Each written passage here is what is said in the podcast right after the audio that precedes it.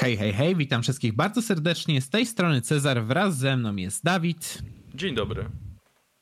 No i witamy Was w kolejnym epizodzie naszego podcastu. Można powiedzieć, że long time no see. Wracamy jako duo znowu e, po jebawczanowych wyprawach w przeszłość. Ci dwaj są mm. jedno, tak? Tak, ci dwaj są jedno.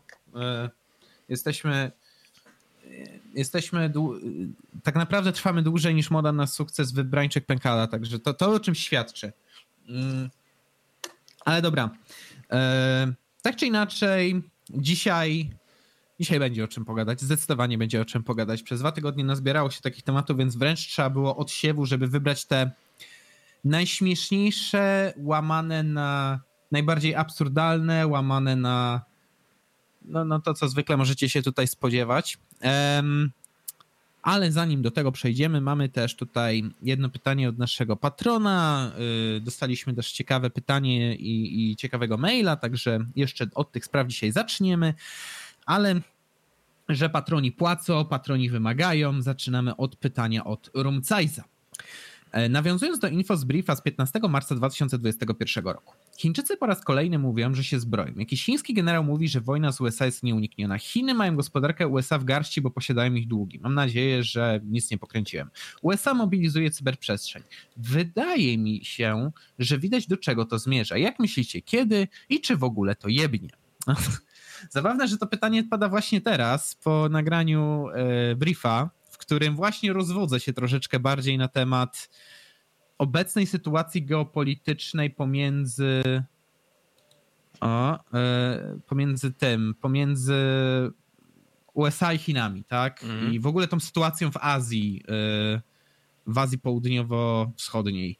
Bo jakby to teraz tak ładnie ująć, oni wbrew pozorom gadają wbrew pozorom jest tam jakaś nić porozumienia między tymi krajami i one tak naprawdę nie chcą iść w pełni na noże, przynajmniej tak dyplomacja by wskazywała. Niedawno był dość napięty, ale mimo, mimo wszystko szczyt pomiędzy Chinami i USA e, na lasce. Um, oczywiście, że będą tworzyły się pewne bloki, bo Chińczycy zyskują na sile, więc chcą się tak łokciami trochę tam poszerzyć na terytorium. E, Azji, natomiast Amerykanie nie chcą odpuścić tego, co już mają, a ewidentnie osłabli, szczególnie w okresie pandemicznym. Moim zdaniem można się spodziewać teraz takiego okresu zaczepek i prowokacji. To na pewno. To, to nie ma co wykluczać, że Chiny będą chciały Amerykanów tak troszeczkę podkopać z pozycji tego hegemona światowego, Chińczycy będą chcieli zalać rynki światowe swoimi produktami jeszcze bardziej niż dotychczas. Natomiast Amerykanie będą próbowali wykorzystywać takie naturalne sojusze geopolityczne z obszaru Azji przeciwko Chinom, albo będą próbowały wykorzystać przeciwwagę w postaci wpływu swojej armii i floty.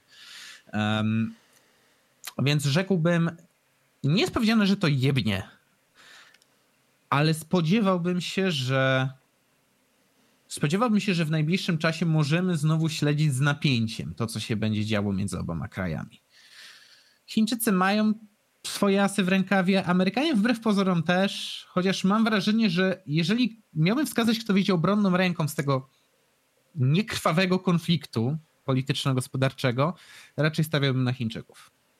To jest kraj, który ma po swojej stronie gospodarkę, um, który jest na trendzie wzrostowym i który szczególnie jeżeli wykorzysta do cna sytuację pandemiczną teraz, to oni powinni wylecieć wręcz w kosmos gospodarczo.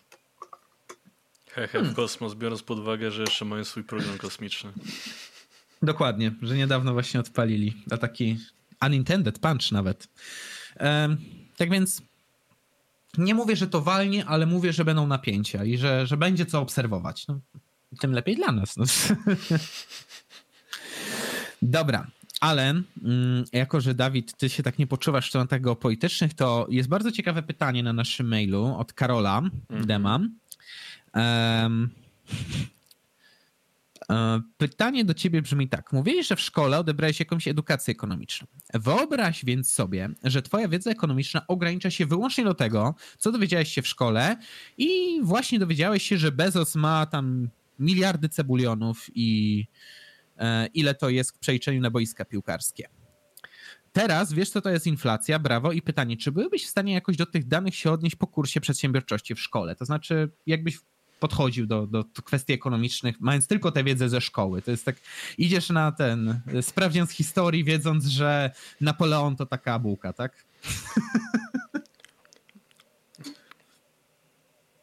Miało się to ograniczyć do wiedzy ze szkoły tylko, to byłoby kiepsko.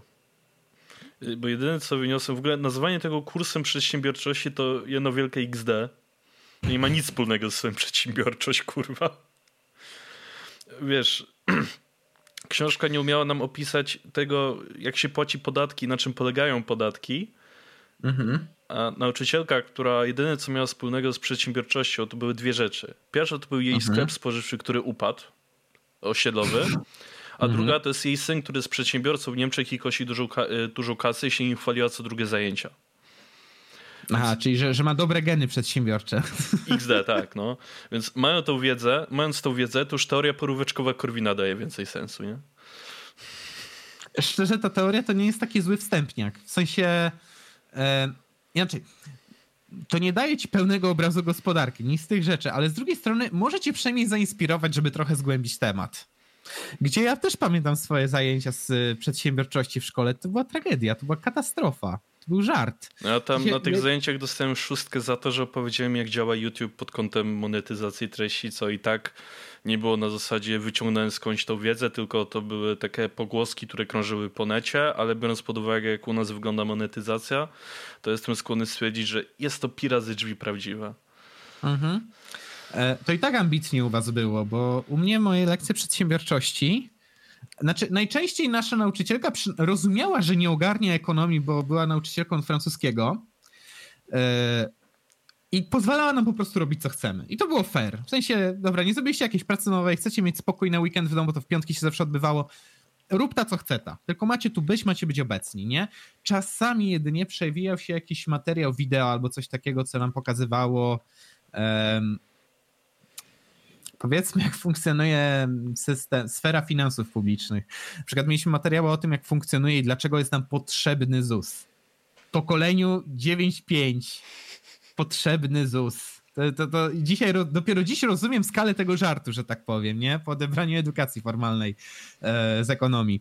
Natomiast mm, jeszcze jak tak sobie wspominam te czasy, to znaczy, ja widzę tutaj taką pewną poważną patologię yy, naszego systemu edukacji. Znaczy, kurczę,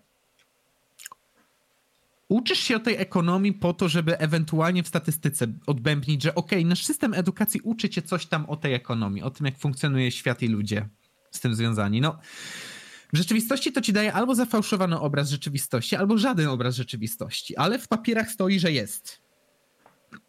To jest, to jest, to jest to jest jak z naszymi testami na COVID. To znaczy, w rzeczywistości obraz może być zupełnie inny, ale w papierach ma stać, że jakoś jest, tak? W ogóle. Jest...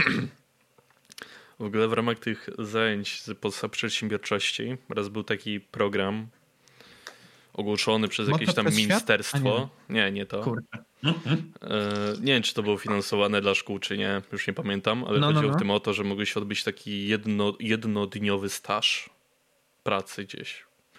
Oczywiście, czy, czy, my w klasie uznaliśmy wzięcie w tym udziału jako no, czego się nauczymy? Oczywiście, kurwa, że nie. Chodzi o to, żeby nie pójść przez jeden dzień do szkoły. I, I co wymyślił. Nie was. Tak, co wymyślił Spryt. oczywiście jeszcze za to, że wziąłeś w tym udział, dostałeś ocenę chyba piątkę, tak z marszu, nie? Wiesz, mhm. to było na zasadzie, dobra, nagromadźmy ludzi, żeby nie było, że nasza szkoła nikogo nie wysłała, dostajemy potem opierdzić z ministerstwa, nie? Chodziło tylko o to tak naprawdę. Więc mhm. co wymyślił sprytny Dawid i dużo sprytnych jego kolegów z klasy? Znaczy, ja wymyśliłem to. Ej, kolega mojego taty prowadzi sklep komputerowy to dogadam tak, żeby odbyć tam staż, tak naprawdę go nie odbyć. Na czym to polegało? Przyszedłem tam koło 13, cyknąłem aparatem trzy zdjęcia, e, mhm. w Wordzie napisałem generyczny tekst, jak było na stażu, czyli coś, co można wymyśleć w minutę. Dałem mhm. do podpisania przy przywalenia pieczątką właścicielowi firmy, czyli koledze mojemu tacy i to był ten cały staż. Pół dnia przesiedziałem w chłopie i sobie grałem na kąpie, nie? I dostałem, no tak, za to, ale... dostałem za to piątkę. I, wiesz, jakiś inny koleś miał matkę kierowniczkę z kansenu w Sierpcu, to też to sobie tak ogarnął. Ktoś inny miał no jakiegoś no tak. znajomego pracującego w takiej firmie. Ten miał ojca strażaka, to tam ogarnęli, nie? Ale taka jest prawda, że e, jeżeli wymagasz, to zaoferuj też jakby możliwości spełnienia tego, bo taka sama patologia jest ci powiem na studiach wyższych. W sensie, no tak, no. ja doskonale wiem, jak to wygląda na Wydziale Ekonomii. No trzeba odbębnić staż, tak? 160 e, godzin jest wymagane tam na konkretnym etapie studiów. No przynajmniej tak jest na UMK. E... Ja swój staż odbyłem w powiatowym zarządzie dróg w Kole i byłem tam znaczy, miałem być tylko raz, ale kierownik się uparł, że tam muszę chociaż z tydzień się pojawiać. Ja byłem tam dwie godziny dziennie max i po prostu tam, no nie wiem, dawali mi jakieś takie papiery, co im się nie chciało wypełniać, żebym tam, nie wiem, wpisywał, nie wiem, godzinówki pracownikom, coś takiego i takie... To teoretycznie... Siedziałem, muzyk słuchałem, spoko było, no, tak. tylko to, to nic nie wnosi. Te, teoretycznie wnosi. pracowałeś w HR-ze. Tak, technicznie, technicznie, jak mnie będą pytać na rozmowie, to powiem, że mam doświadczenie w HR-ze, tak? E, tam, tam, tam jebać YouTube'a, powiatowy zarząd dróg. Ale e, tak szczerze to e, są kierunki, gdzie to jest świetnie zorganizowane, szczególnie techniczne. Na technicznych, jeżeli uczelnia zadba, naprawdę ma się super staży w zawodzie faktycznie. Ale mm, pandemia teraz też to mocno naruszyła. Ja na przykład mam siostrę, która studiuje taki kierunek mocno związany z kartografią, ale mhm. kartografią taką cyfrową, komputerową. Bardzo, cie, bardzo wąski zawód, ale jak znajdziesz pracę, to naprawdę dobrze płatną. Nic nie ma teraz. Wszystkie staże, co planowały studia, pozrywały umowy firmy, nie? No e, tak. Jesteśmy bezsilni w tej chwili, w tej sytuacji, więc ja rozumiem, że jakby to był okres przejściowy, że okej, okay, w pandemii jest trudniej z tym i że takie patologie się pojawiają. Tylko co ja chcę tym pokazać? Te patologie są obecne cały czas i wynikałem z tego, że na uczelni to jest po prostu kwestia, ok, musisz mieć odpis od jakiegoś pracodawcy, żebyśmy mogli ci tam wstawić zalkę, żebyś za to miał ECTS-y, żebyśmy mogli ci wydrukować kartę przebiegu studiów i w ten sposób wręczyć dyplom. To jest wszystko. E, to taka ciekawostka, nie wiem jak to funkcjonuje teraz, ale wcześniej jak ja jeszcze uczęszczałem do tej powiedzmy organizacji, e, to mhm. jak studiowałeś dziennikarstwo albo medioznawstwo, takie rzeczy związane z mediami, tak powiedzmy, takie bezrobocie. Tak, no, no e, e, to jak uczęszczałeś do UMK TV, e, czyli takiej telewizji uniwersyteckiej, to mogłeś tam odwalić po prostu staż. Aha, okej, okay, ma to sens. Przynajmniej powiem, że ma to sens, bo... Jakiś tam sens ma, tak. Tak, znaczy ja, ja nie wiem jak to wygląda od środka, no ale powiedzmy, że od chociaż środka wygląda to tak, że robisz to, co robiłeś przez od początku bycia w tej organizacji, tylko że będziesz miał wypełniony papier, to jest cała różnica. Ale no, to taka prawda, y ogólnie jak ludzie podejmują pracę i łączą ją ze studiami codziennymi czy zaocznymi, to tak jest, że jak musisz odbędnić tę robotę, po prostu idziesz do pracodawcy, y, szefie, bo, bo, bo ja muszę tutaj mieć odpis na studia i on ci to po prostu podpisuje i no. ja miałem masę jakichś koleżanek czy kolegów, którzy nie wiem, w sklepach jakiś pracowali, wiesz, w handlu detalicznym, bo to jest popularne na studiach czy coś. Też, y, dzień dobry, do wypłaty poproszę mi jeszcze to podpisać, dziękuję, z głowy, tak? Ci, co nie byli w stanie tego za bardzo godzić, albo mieli raczej pracę dorywcze, mieli trochę większy problem, ale też się dawało radę ogarnąć. Ja akurat wtedy nie pracowałem, więc tam jakoś tam kanałami się ogarnęło po prostu ten staż, ale mówię, to było kompletnie bez sensu. W innych zawodach, w innych jakichś tam pracach, które miałem, zdobyłem znacznie więcej doświadczenia. No to było takie podstudia, bo akurat było w takim momencie, że nie byłem w żadnej innej pracy. Akurat. No. Dobra, więc to jest to. A jeszcze tutaj... Mm, Mamy taki jeden e, komentarz z zapytaniem od. To czekaj, to może zanim. Kinematografia. No. Spoko, to może zanim panie ten komentarz, to może powiedzmy o tym, co, co i tak musimy powiedzieć no. żeby, żeby nie zapomnieć i się nie obudzić za dwie godziny. A, prawda, prawda. Tak, tak, tak. E, tak. E, moi drodzy, e, tak się składa, że chcemy wprowadzić pewne zmiany. Głównie na kanale wyobraźcie sobie, bo na podcastowym, jak widzicie, już te zmiany zachodzą, ale jeśli będą jakieś sugestie, to może tutaj też jeszcze coś się pojawi. E, mhm. Chcemy poprawić jakość kanału, zmienić, może dodać jakieś formuły, albo żeby jakoś się wyedytować. Już się ostrzegłem jak coś. E, akurat nie o tym, ale okej. Okay. E, no, żeby było lepiej, wiadomo. E, więc mamy no. przygotowane tako, takie badanie statystyczne, taką ankietę. Link macie w opisie, ci co słuchają na Spotify'u i innych platformach. Przykro mi, tym razem musicie wejść na YouTube'a, bo z opisu i tak nie, nie skopiujecie. Więc mhm. zapraszamy do linku w opisie. Macie tam takie badanie statystyczne, kilka pytanek zamkniętych i otwartych. Chcemy poznać wasze opinie i, i trochę też pod was dokonać zmiany, więc e, zapraszamy cieplutko, warto. Warto, będzie fajnie, będziemy mieli przynajmniej opcję do wyboru, będziemy wiedzieli czego oczekujecie, będziemy znali troszeczkę lepiej wasz profil Visa. To nie jest obowiązkowe w żaden sposób, wszystko jest anonimowe oczywiście, jak to zwykle przy takich badaniach, po prostu chcemy mieć mniej więcej ogląd na to, jak się kształtuje nasza baza, jakie sugestie z tej bazy widzów mogą padać i tak dalej, i tak dalej. Także tak, po prostu y, zachęcamy, to nam bardzo pomoże. Tak, w przeciwieństwie do rządu chcemy posłuchać waszego głosu. Przy, przynajmniej my. O tym rządzie to jeszcze zaraz przejdziemy, bo, bo, bo, bo tu będzie o czym gadać, ale jeszcze tak. wróćmy do tego e, pytania od e, kinematografii. Kocham was ludzie, mam pytanie. Jakich podobnych do was twórców polecacie na YouTube? Oglądam jedynie oba kanały Szymona z Wojny Idei, a do, e, aż do niedawna Atora, ale ze względu na teorie spiskowe, które mu się skończyły, teraz tworzy vlogi o wampirach z przyszłości, które piszą mu listę, a jedynym dowodem na potwierdzenie ich słów jest wiedza na temat tego, jak dużego ma naganiacza i naszego prezydenta ad interim, zanim przeszedł na, za paywall. E, o Jezus Maria. Podobne kanały do naszego kurczę, jeżeli chodzi o tematy wolnorynkowe, to w sumie bym polecił dwa. Jeden byłby szczerze Instytut Misesa.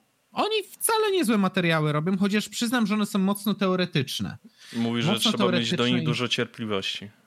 Znaczy, zależy kto je prowadzi. Może tak, bo y, przydaje się tam chociaż podstawowa wiedza z zakresu ekonomii, bo prowadzą to po prostu ekonomiści i to widać, to tacy teoretycy mocni.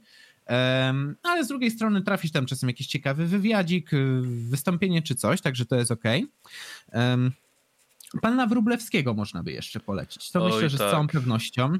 Chociaż teraz jest chyba w małym zawieszeniu, jak dobrze pamiętam, ale ogólnie wolność w remoncie jako taki cykl, taki podcastowo-analityczny jest całkiem w porządku do posłuchania. Znaczy, tak, jest obecnie w zawieszeniu, ale chyba w ramach tego zawieszenia, jak im coś wpadnie, to wpuszczają materiał tak, jakichś, tak, tak. jakichś innych ludzi związanych z Warsaw Enterprise Institute, więc też ja też bardzo cieplutko polecam pan Tomek Super Navia i świetnie się tego słucha do, do czegokolwiek tak naprawdę.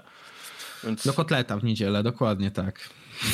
Myślę, Czarku, że możemy ewentualnie też z tego zrobić taką ogólną polecajkę, co, co polecamy z, z różnego rodzaju kontentu na YouTubie. E, znaczy tak, jeszcze chciałem, w sumie mi się przypomniało jeszcze jeden kanale, który ponoć ma niedługo znów wrócić do działania.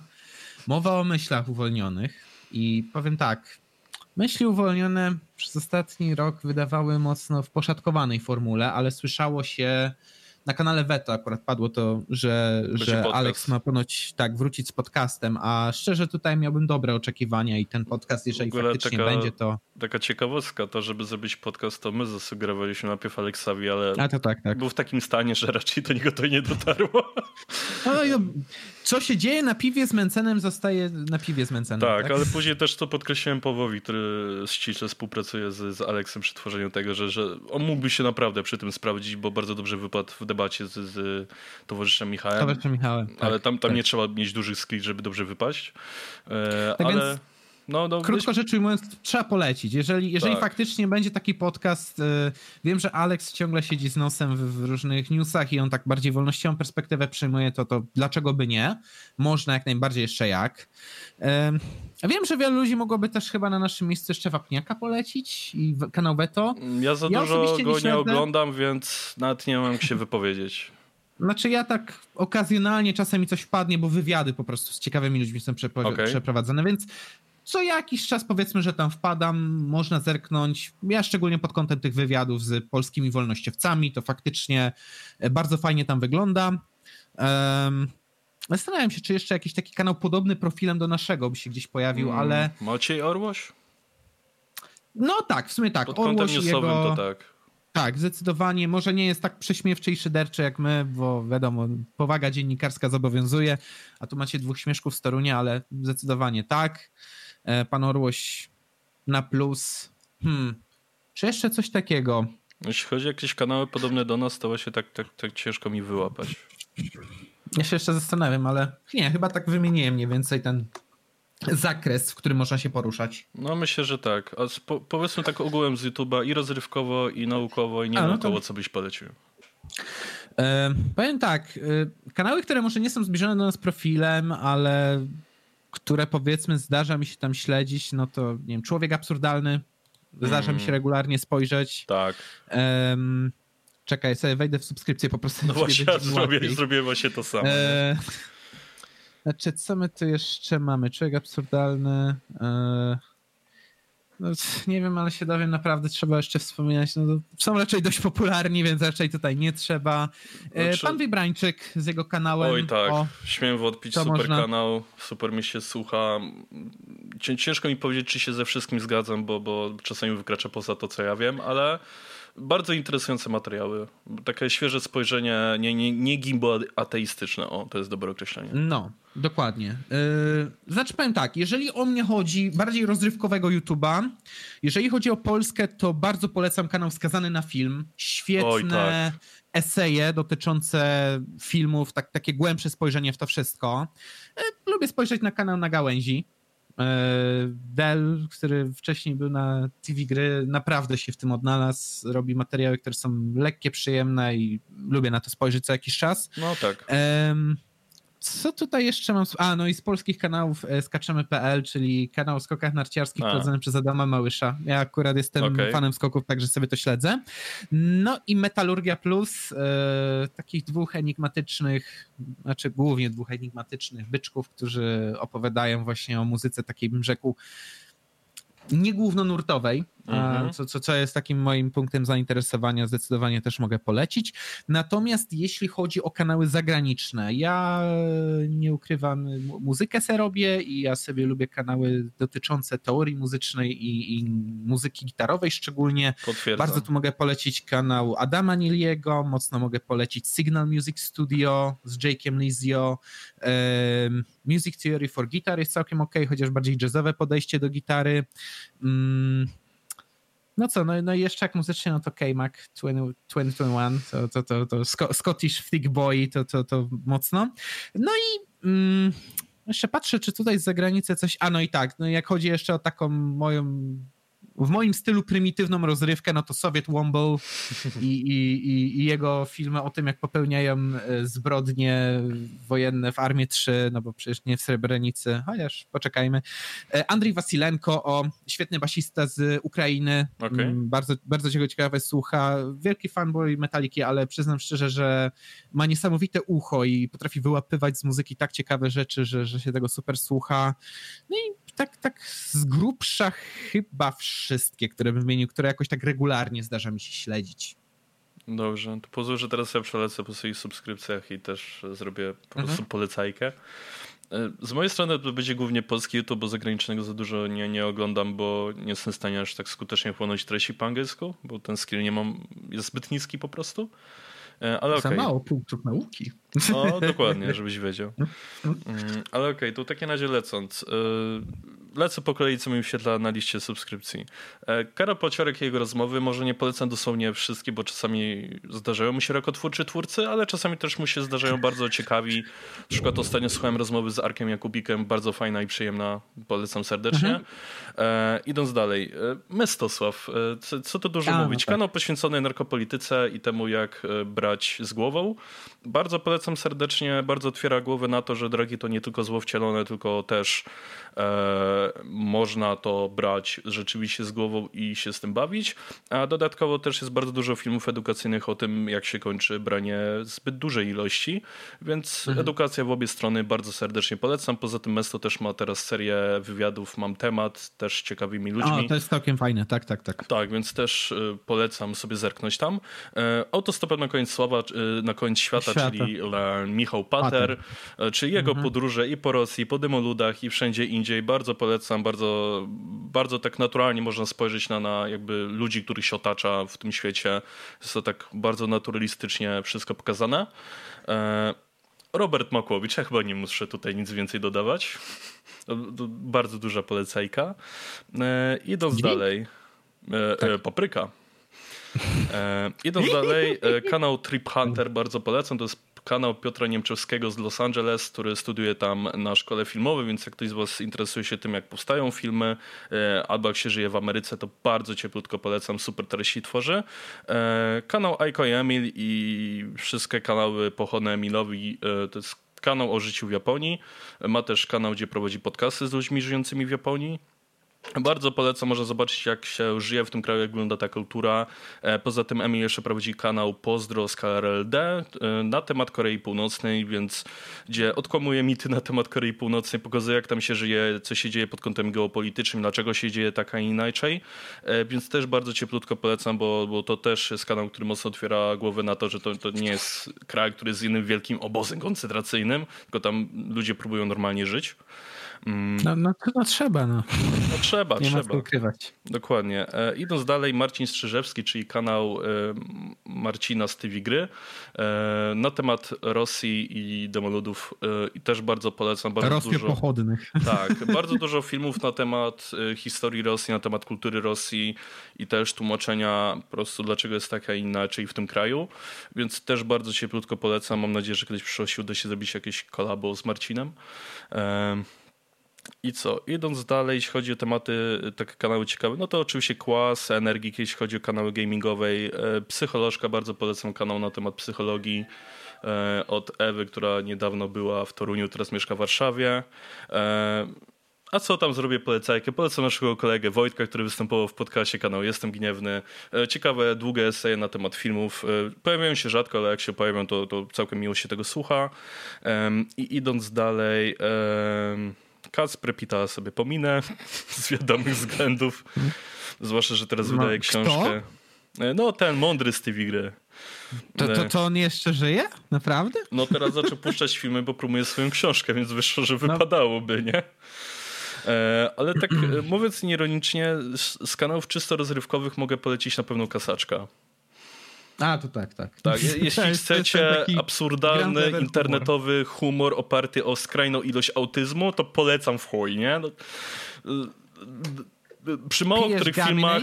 Tak, przy mało których filmach tak bardzo kręcę bekę z tego, jak bardzo absurdalny jest tam zrobiony montaż, jak bardzo absurdalnie są w ogóle prowadzone tam filmy. Są krótkie, zwięzłe na temat, tyle mogę powiedzieć, więc bardzo cieplutko polecam. Eee, jeśli chodzi o pozostałe jakieś kanały, mam tego dużo, więc nie będę tego za bardzo przyglądał, eee, ale jak tak lecę, to chyba mógłbym na tym na chwilę obecną zakończyć, jeśli taką moją polecajkę ogólną, eee, więc y, no, no, generalnie polecam, no. Znaczy, Może, dziwię się, że jeszcze o jednym kanale nie wspomniałeś. O którym? Mielski. Jest to, to jest kanał średni do polecenia z tego względu, że e, Mielon rzadko kiedy wrzuca jakiekolwiek szoty zmontowane ze swoich streamów. To, to się pojawia teraz ultra rzadko, czytaj mhm. w ogóle. E, więc, ale jeśli ktoś z was e, lubi streamy, gdzie się słucha chujowego rapu jak się tylko da, tak chujowego, że nie pozostaje nic innego niż kręcić z tego bekę, to generalnie polecam ten kanał Mielski. Ale jak chcecie sobie to oglądać na żywo i przyznam, to jest tylko w porach wieczorno-nocnych, e, to polecam kanał Miejskiego na, na Twitchu A.I. Mielski. Tam są właśnie streamy. Swoją drogą Mielon wydał wczoraj płytę, bardzo dobra, polecam do wesela się zagoi, e, więc, więc e, tak, dobrze, że mi przypomniałeś o kanale Mielona w sumie, ale jak tak zerkam dalej, e, to za bardzo nic wybitnie ciekawego się nie pojawia. Mogę polecić serię Arn Tech z kanału Arn EU po godzinach, prowadzony przez redaktora Kebaba, jeśli ktoś lubi ciekawostki i newsy ze świata technologii. A tak poza tym, jak tak na szybkości zerkam, co tutaj się dzieje, to no, chyba to, to, w sumie tak, no w sumie na tym mógłbym na chwilę obecną zakończyć, ale nie, nie, w sumie jeszcze tylko jeden kanał. Michał Szafrański. Polecam WOPOR. Tak. Wywiady z przedsiębiorcami i jego zapis jego live'a, gdzie tłumaczy jak działają ETF, jak możecie sobie zajebiście oszczędzać na emeryturę. E, I jego też filmy, gdzie występuje sam, gdzie też tłumaczy różnego rodzaju case'y związane z jego biznesem, czy, czy też tym, czym się zajmuje biznesowo, albo na temat jego wiedzy biznesowej. Więc jeśli kogoś z was ciekawią takie tematy, to bardzo, bardzo cieplutko polecam Michała Szafrańskiego. Znaczy no, jeszcze mi się w sumie przypomniało teraz na koniec, że no, no do, na TV gry się czasem spojrzy do snu, ale to głównie dlatego, że Het ma super poczucie humoru, idealnie trafia tak, pode mnie. Tak, Het to Ale to prawda. głównie właśnie dlatego, dlatego śmieszkowania. Okej. Okay. To jest mniej więcej tyle, jeśli chodzi o te pytania. W związku z tym możemy przejść do sekcji newsowej. No i po co oglądać planicę, kiedy rekordy są bite przez naszą służbę zdrowia, przez naszego przez, nas, przez naszych rządzących przy okazji testowania i podkreślam, testowania, bo nie ma co tutaj gadać o tym, że e, nagle mamy wykwit choroby, bo ktoś tam już analizował właśnie, ile jest przeprowadzonych testów i ile nagle wyskakuje zarażeń, tak? W sensie, że zawsze tych zarażeń musiało być mniej więcej tak dużo, tylko że w tej chwili zintensyfikowaliśmy nagle badania. Ciekawe czemu, no popatrz pan. Taki dziwny przypadek, święta idą, nie? I one się, kiedy się kończy ten lockdown? 9? No popatrz pan, no to nie spodziewałbym się w ogóle. Pewnie Ale potem tak. będzie 10, 11. Ej, w sumie to znowu lockdown, tylko teraz do odwołania. Albo teraz też do 9 kwietnia, ale kolejnego roku. Aj, kurczę. Znaczy, szczerze powiedziawszy, jak usłyszałem o tych obostrzeniach, to, to tak, będę miał jedną krytykę wobec tego wszystkiego, ale tak, tak szczerze, to, to, się przykro tego słucha. Znaczy, nagrywamy to w sobotę, 27 marca i mamy rekord zakażeń 31 757 nowych i potwierdzonych przypadków. Szczególnie dotkliwe jest to dla mazowieckiego i dla śląskiego województwa. My jesteśmy gdzieś tak w połowie tabeli z Kujawsko-Pomorskiego. Mm. I teraz tak.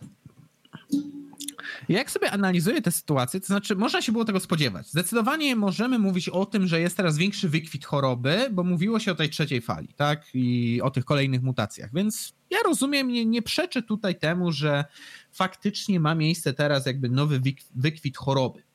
Natomiast, na co chcę teraz zwrócić uwagę, to to, że mm, faktycznie zwiększyła się intensywność prowadzonych testów. To znaczy, do niedawna standardem było, że dziennie nie przeprowadzaliśmy więcej niż tak coś między 30 a 60 tysięcy. Nagle w ciągu dnia jesteśmy w stanie przeprowadzić ponad 100. To, to, to jest raz. Dwa, jak sobie tak patrzyłem na to, jak wprowadzono te obostrzenia, to uważam, że one są trochę niespójne. Um, Idą święta, więc kupili się na tym aspekcie świątecznym. Były pytania o przemieszczanie się, były obostrzenia dotyczące tam różnych miejsc, yy, gdzie moglibyśmy masowo przebywać. Tam obostrzenia na przykład znowu dotknęły mocno sklepy. Ale co mnie teraz dziwi i szokuje, ale no, czego się można było innego spodziewać.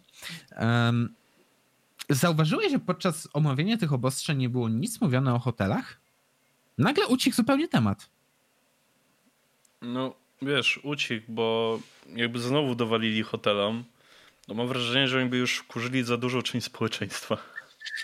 Znaczy inaczej, e, z tych badań, które płynęły z Niemiec, bo tam Niemcy prowadzili takie dość intensywne badania dotyczące tego, na które branże jak silnie wpływa pandemia i które branże mogą generować największe ogniska pandemii. Z tych badań wyniknęło, że w sumie są dwa największe źródła zakażeń.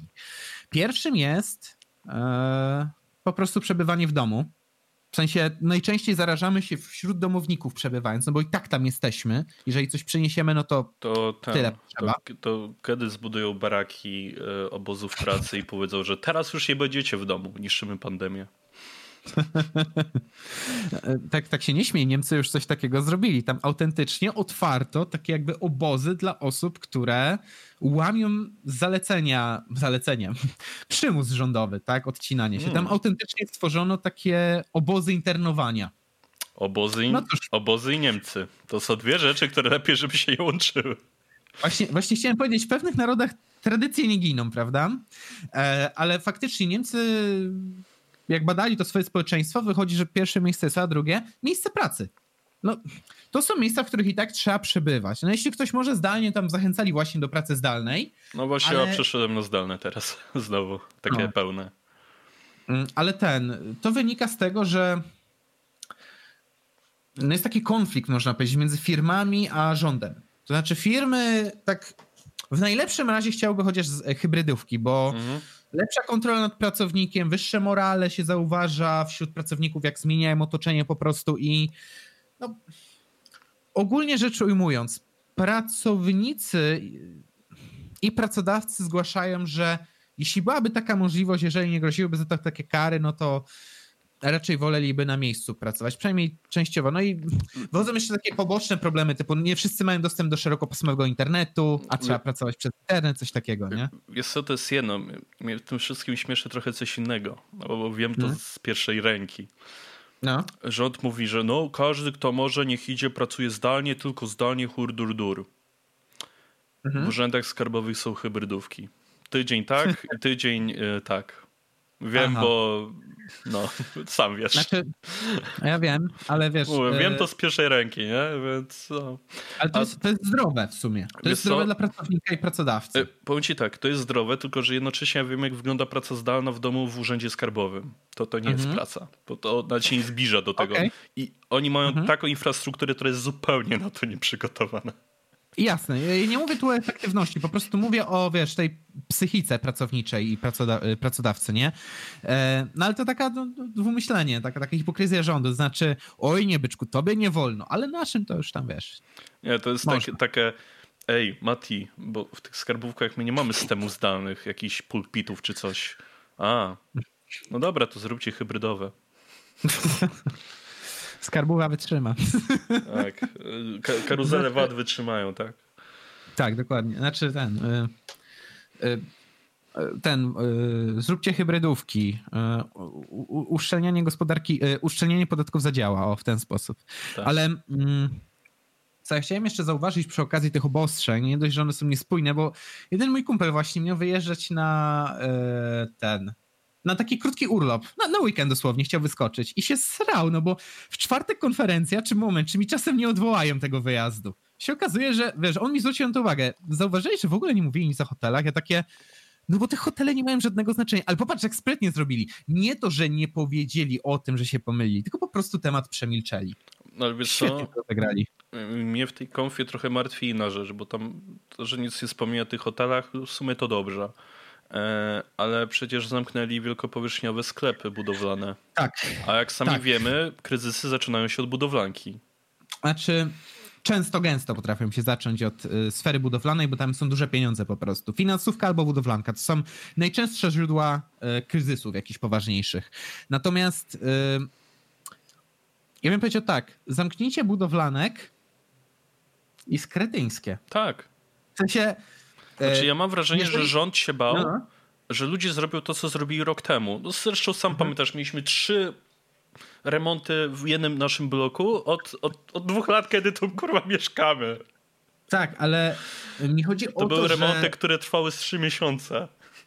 Ale mi chodzi o to, że e, właśnie to jest głupie, że się teraz blokuje możliwość zakupienia stafu do remontu, więc tak. Efekt jest taki, że pojawi się taki, takie wąskie gardło, to się nazywa w ekonomii. To znaczy, że pojawi się miejsce, w którym nie ma efektywnego przepływu towarów albo usług. W związku z tym, jak minie ten lockdown, to ludzie będą się masowo rzucać, żeby kupić dużo tych produktów. Można się spodziewać bardzo wysokiego skoku po, popytu na te produkty. W związku z tym, sklepy, jakby normalnie działały te sklepy wielkopowierzchniowe, i po prostu powiedziano, no nie wiem, no wprowadzamy reżim sanitarny, ale korzystajcie sobie dalej, to myślę, że wyszłoby to zdrowiej dla nas, niż tak jak teraz to rozwiązano. To znaczy, wierzę, jestem, jestem mocno przekonany w to, że za chwilę obudzimy się w sytuacji, w której e, sklepy wielkopowierzchniowe będą tak oblegane, żeby kupić te zapasy, bo cholera wie, czy zaraz nie zamkną, że tam faktycznie pojawią się być może ogniska chorobowe. No tak, być no... może to jeszcze wpłynie na rozszerzenie się problemu. No nieraz byłem w markecie budowlanym, jak jeszcze nie było lockdownu i tam zobaczenie tłoku, to naprawdę trzeba było się postarać. Tak, tak bo to są najczęściej to są duże sklepy. sklepy. E, znaczy, zależy też który, ale najczęściej w dużych miastach to są właśnie takie duże kastoramy, Ikea, coś no. takiego, nie? W których ludzie se spokojnie chodzą. Ktoś se przyjdzie, nie wiem, po worek ziemi do kwiatów, ktoś inny po jakąś, nie wiem, szlifierkę, a jeszcze ktoś inny meble se wybiera do sypialni. Tak, ja raz wziąłem cztery śrubki. No i, i zasłonkę do prysznica. O, o proszę tak. bardzo, wielkie zakupy, nie? Natomiast ja, no to, nie, no to kupowało się różne rzeczy, ale to tak, tak okazjonalnie. E, I ja się cieszę, że w tej chwili właśnie nie prowadzę remontu żadnego mieszkania ani nic, ale teraz się postaw w sytuacji gościa, który się na przykład urządza i nagle, nie dość, że u nas jest problem z tym, że zamówienia na budowlańców są często mocno opóźnione, to jeszcze kurczę, uchwyciłeś ich powiedzmy na ten początek wiosny, lockdown. Tak, a najczęściej jak duży deweloperzy planują inwestycje, to planują na cieplejsze miesiące, bo ziemia jest miękka i łatwiej jest budować i kopać fundamenty pod cokolwiek. Mhm. Idealnie w tym momencie stwierdzili, to was przyblokujemy. Tylko no, ja, mam, ja mam nadzieję, że to naprawdę po dwóch tygodniach puści. Tak, wiem, jestem naiwny, bo jeśli będą to blokować dłużej, to coś czuję, że naprawdę mogą wywołać ten kryzys. Dwa tygodnie, wytrzymajmy. tak. Wcześniej to nie był prawdziwy lockdown. Tym razem się znaczy... uda. Tak, od razu się przypomina ta pasta, że co, co, wspólnego ma lockdown z socjalizmem, tak? Tym razem się uda. Znaczy, nie. przepraszam, komunizm. komunizm. E, tak, nie, to było tak, e, co ma wspólnego? To jest to samo, tylko jeszcze masz Netflixa. O, o. Ja nawet już teraz nie mam dostępu do Netflixa, a może to i lepiej. Um, tak czy inaczej, um, ta konferencja, znaczy no, no, na tym jednym przykładzie można pokazać, jak bardzo nieprzemyślana jest to polityka, jak bardzo nasz rząd nie umie się przyznać do błędu, ale ja pokazałem, że oni tak pominęli te hotele i to jest sprytnym ruchem, bo w sumie nie przyznajemy się, że popełniliśmy błąd, ale już chociaż nie brniemy w to dalej, nie? Ale nie, to nie to, że, że nie mam się do czego jeszcze przypieprzyć, bo w czasie tej konferencji padły sformułowania, w których rząd mocno się chwalił swoimi dokonaniami. Morawiecki tam właśnie wystąpił i mówi: Nie no, proszę państwa, jakbyśmy wcześniej podjęli odpowiednie decyzje, to teraz naprawdę byłoby źle. Tak straszyli, że opozycja to chciała wam jakoś tak poluzować, a my podjęliśmy trudne decyzje, których nikt inny by nie podjął. Tymczasem w rzeczywistości sytuacja wygląda tak, że e, podczas tego samego wystąpienia premier Morawiecki mówi, proszę państwa, no, no ja oczywiście z dużym szacunkiem podchodzę do prywatnej opieki zdrowotnej, ale wyobrażacie sobie państwo, co by było, jakby to wszystko było za, no tak określę to już skrótowo, paywallem, gdyby, gdyby trzeba było płacić teraz za pomoc, tylko dzięki państwu macie państwo dostęp do tak szerokiej możliwości, do tak szerokiej gamy. Chujowej, ale jest. Badania, badania, ale leczenia. Ja sobie tak teraz myślę bo y, taka ciekawostka, przed pandemią miałem się zgłosić do kilku lekarzy, do tam przygotowywałem się do diety, na której obecnie jestem i yy, tam musiałem sobie zbadać po prostu, jak wygląda stan mojego organizmu. Do części specjalistów się nie dostałem, bo pandemia mi po prostu przerwała, nie można było wbić do, do niektórych. Um, I ten. No ja pamiętam, że jakbym poszedł wtedy na prywatę, ja bym wybulił trochę kasy, ale ja bym wszystko załatwione w dwa tygodnie. Tam chyba sześciu czy siedmiu specjalistów miałem odwiedzić. W dwa tygodnie max, mhm. bo tam była kolejka chyba do to się Echo Serca nazywa, jak dobrze pamiętam. To, to, to, no, tak, na EKG. Na EKG bym czekał chwilkę, bo tam była kolejka, ale dosłownie do dwóch tygodni mi po, powiedziano tak wstępnie. No, a w szpitalach czekałem na jednego pół roku, na drugiego trzy miesiące, na innego coś tam i się na, nigdzie nie dostałem tak naprawdę. Znaczy nigdzie, do, do części w ogóle po prostu, nie? Um, na całe szczęście wyszło, że tam jestem naprawdę relatywnie zdrowy, jak na moją masę. Natomiast... Yy, no i tam na całe szczęście zdążyłem jeszcze zebrać informacje na temat tego, jak musi wyglądać ta dieta. Ale tak, y, służba zdrowia jest w totalnej zapaści, on się nią chwali, to jest bezczelne po prostu. No tak, Mamy no. zapaść, no. brakuje specjalistów, są kolejki. E, jeszcze niedawno mieliśmy tą słynną wypowiedź tego e, senatora PiSu z Krakowa, który stwierdził, przenieśmy wszystkich lekarzy onkologów do walki z COVID-em. Co pokazuje nie tylko niewydolność systemu, ale jeszcze dodatkowo pokazuje bezmyślność tych ludzi. Bo ważna rzecz, onkologia ma teraz naprawdę poważny problem. Bo właśnie przez początek pierwszego lockdownu ludzie przestali się zgłaszać na badania, które mieli. I teraz nagle mamy tak z dwa, trzy razy więcej ludzi, którzy mogą mieć dużo bardziej zaawansowany stan tych nowotworów i nagle jeszcze im zabierzmy lekarzy. Świetny pomysł. Znaczy ja myślę, A trzeba że... dodać średnio rzecz ujmując, to jest podobny skala problemu co COVID. No tak, to, wiesz, no, ja myślę, że jak minie ten cały lockdown, to dopiero zaczniemy zauważać, jak duże skutki miało to, co się tutaj odpierdala, bo tego się już inaczej nie da nazwać. Mm. Dlatego uważam, że rząd, znaczy, że premier wykazał się wyjątkową bezczelnością w czasie swojego wystąpienia. Tak. E okłamał po prostu ludzi, ale wiadomo, no, no pelikany, co popierają PiS i tak będą to łykać, a te pelikany, co nie popierają PiS, ale się nie interesują, mogą tego zwyczajnie nie zweryfikować, a cała reszta pelikanów, która to oglądała, stwierdza, co ten typ pierdoli. Wszyscyśmy pelikanami, pamiętajmy o tym. ale nie, naprawdę, poważnie do tego podchodząc, ym, ja rozumiem, że prywatna służba zdrowia może być kosztowna, ale Zwłaszcza ja nie mam możliwości ale nie mamy możliwości, żeby zrezygnować z publicznej, która i tak jest mało wydajna. wyobraźmy sobie teraz, że no dobra, to może jeszcze się nie dokłada tak do mnie, bo ja składki pewnie zacznę płacić dopiero za parę miesięcy zdrowotne, ale wyobraź sobie, że możesz z tej wypłaty zatrzymać sobie dodatkowych parę stów i przeznaczyć na jakieś prywatne ubezpieczenie. No. Kurczę, bo, bo prawda jest taka, że ja i tak jakbyś miał jakąś bardzo poważną przypadłość, e, NFZ ci w tej chwili naprawdę jest w stanie, nie jest w stanie pomóc efektywnie. Bo i tak będziesz musiał albo liczyć na zbiórki. Właśnie to jest patologia, że Polska jest krajem, który chyba w zeszłym roku rekordową ilość pieniędzy zebrał na y, zbiórki wszelkiego rodzaju, takie, żeby ratować czyjeś życie albo zdrowie. Y, że to pokazuje jeszcze dodatkowo, jak ten system jest niewydolny. Jeszcze dodatkowo. Jeszcze dodatkowo, no, rzucać takim chochołem, jakobyśmy my byli waszymi zbawcami. No. To jest bezczelne zwyczajnie wobec znaczy, obywatela. Znaczy my jako Polacy niestety mamy nadal ten mindset, że jeśli, będzie, jeśli nie będzie musiała istnieć publiczna służba zdrowia, to będzie drogo i, i w ogóle ludzie będą umierać na ulicach. Jest to oczywiście case z Ameryki, gdzie to, że jest tak drogo wynika z trochę innych rzeczy niż to, że to jest prywatne. Ale ja pamiętam, ja zrobię kiedyś ten materiał. To, to, proszę was, ja kiedyś to zrobię.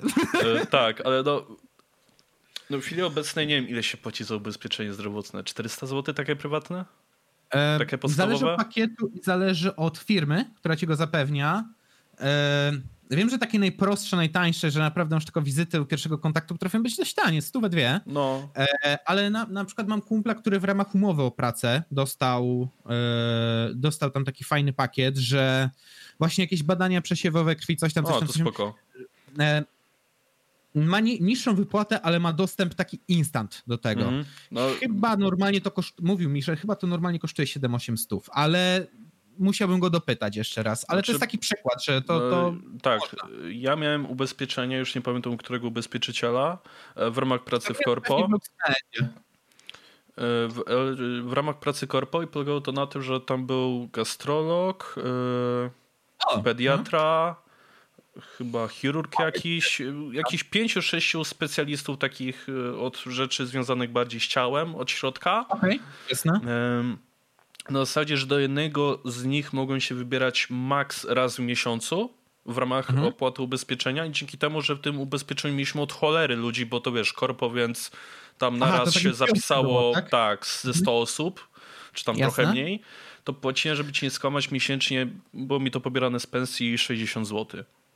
E, tak, bo e, ty mówisz jeszcze o takiej instytucji, chyba mogę to nazwać, tych zbiorczych ubezpieczeń. Tak, tak, tak ja miałem zbiorówkę.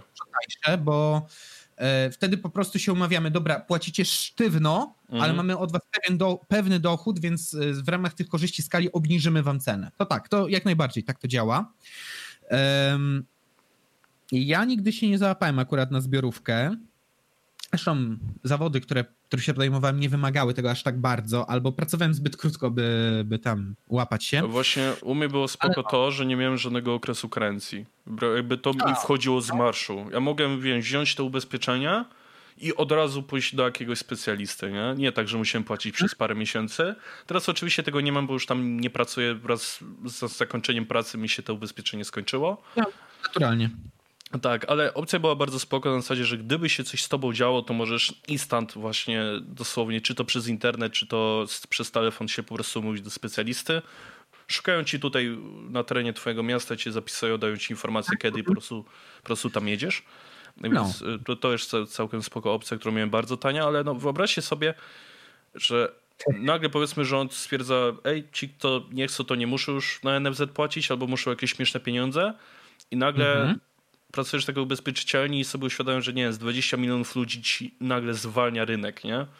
I to są mhm. twoi potencjalni klienci, którzy muszą wziąć jakieś ubezpieczenie prywatne, no bo na publicznym to będą klepać biedę. No tak. E, więc, więcej, więc siłą rzeczy to musi wtedy stać się tanie. E, tak, znaczy nie wiemy, y, bo też trzeba przewidzieć skutki tego, że mhm. nagle się pojawią, być może nowe podmioty będą mogły wejść na rynek i pojawi mhm. się duża masa klientów, która to weźmie, ale w ogóle, ale w ogóle ci powiem, że z rynkiem medycznym jest tak, że on się najbardziej upowszechnia w dużych miastach. I oczywiście tutaj możemy zapytać właśnie słuchaczy czy widzów, którzy e, mają z tym doświadczenie właśnie na stopie zawodowej, tak, czy, czy jakiejkolwiek innej. E, jak wyglądają te ubezpieczenia prywatnie, ale mam takie nieodparte wrażenie, jak słucham poznajomych, jak czytam jakieś tam raporty na temat sta, stanu zdrowia Polaków, bo ostatnio trochę w tym siedziałem, to powiem szczerze, że sami, e, że, że, że, w dużych miastach to się upowszechnia, że to się staje standardem, o takim takim powiedzmy jeszcze semi-standardem, ale że duże korpo, duże firmy to z automatu mhm.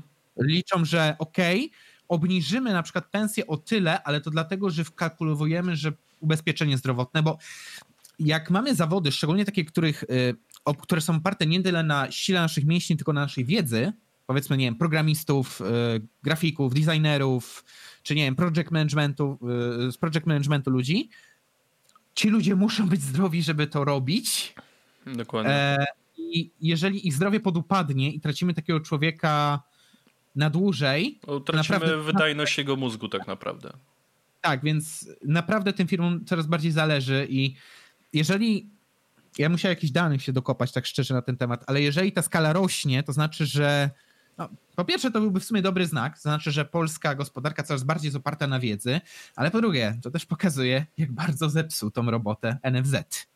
Pytanie, na jaką, znaczy, w jakiej intensywności występują obozowiska. Znaczy to też wynika, że no coraz bardziej bierzemy te wzorce z zachodu, które przychodzą wraz z tymi tak, wielkimi tak, korporacjami, bo w Ameryce to, już, to, że masz godzinę lunchu, tak, wolnego w ramach tak, pracy, tak. to jest normalne. I to, że dostajesz Ale... lepsze ubezpieczenie prywatne, to też już zaczyna być normalne. Tak, chociaż powiedziałbym, że szczerze z ubezpieczeniem zdrowotnym akurat nie brałbym tak wzorca z Ameryki, co raczej z zachodniej Europy. Tak, Ta, tak, no bo jest... w Ameryce tam to wygląda zupełnie inaczej, tam te, te ubezpieczenie, tak, to tak. mówię, to, to jest temat, który będziesz mógł ciągnąć bardzo długo. Ale Oj, tak, tak, no w zachodniej Europie to, że, że ludzie też dostają prywatne ubezpieczenia zdrowotne też już, już jest jakoś tam normą. I Dokładnie. w Polsce to na pewno będzie się coraz bardziej pojawiać, yy, więc no, no rozwijamy się. No twarda bania, zaciśnięte pięści, tak, i te sprawy, tak. ale jak już mówimy o takich patologiach naszego rządu i e, przekłamaniach tego rządu, to jeszcze chciałbym tutaj e, tak jeden temat podjąć związany ze spółką, która ma 34% udziały naszego Skarbu Państwa, która się prywatyzowała, ale to była patologiczna prywatyzacja. Mhm. PZU. Nie wiem, czy słyszałeś, ale PZU chce się zająć fitnessem. Chcę wejść w branżę fitness. E, e, czemu mnie to zastanawia i nie dziwi? Znaczy, jest branża, która jest w kryzysie, którą możesz wykupić tanio. No, to, to jest bardzo rozsądne, żeby to zrobić. No. Ja takie jeszcze drobne wprowadzenie, żeby parę liczb rzucić tam. Mhm. PZU chce wejść na rynek fitness, pisze serwis Wyborcza Biznes. Ubezpieczyciel planuje dystrybuować własne karty sportowe, dające możliwość korzystania z wielu klubów fitness, basenów i innych obiektów sport, y, służących poprawie kondycji. Liderem tego rynku jest dziś spółka Benefit, operator karty Multisport. Popularne są też karty Fit Profit i OK System, dystrybuowane przez Mediover. Mediover.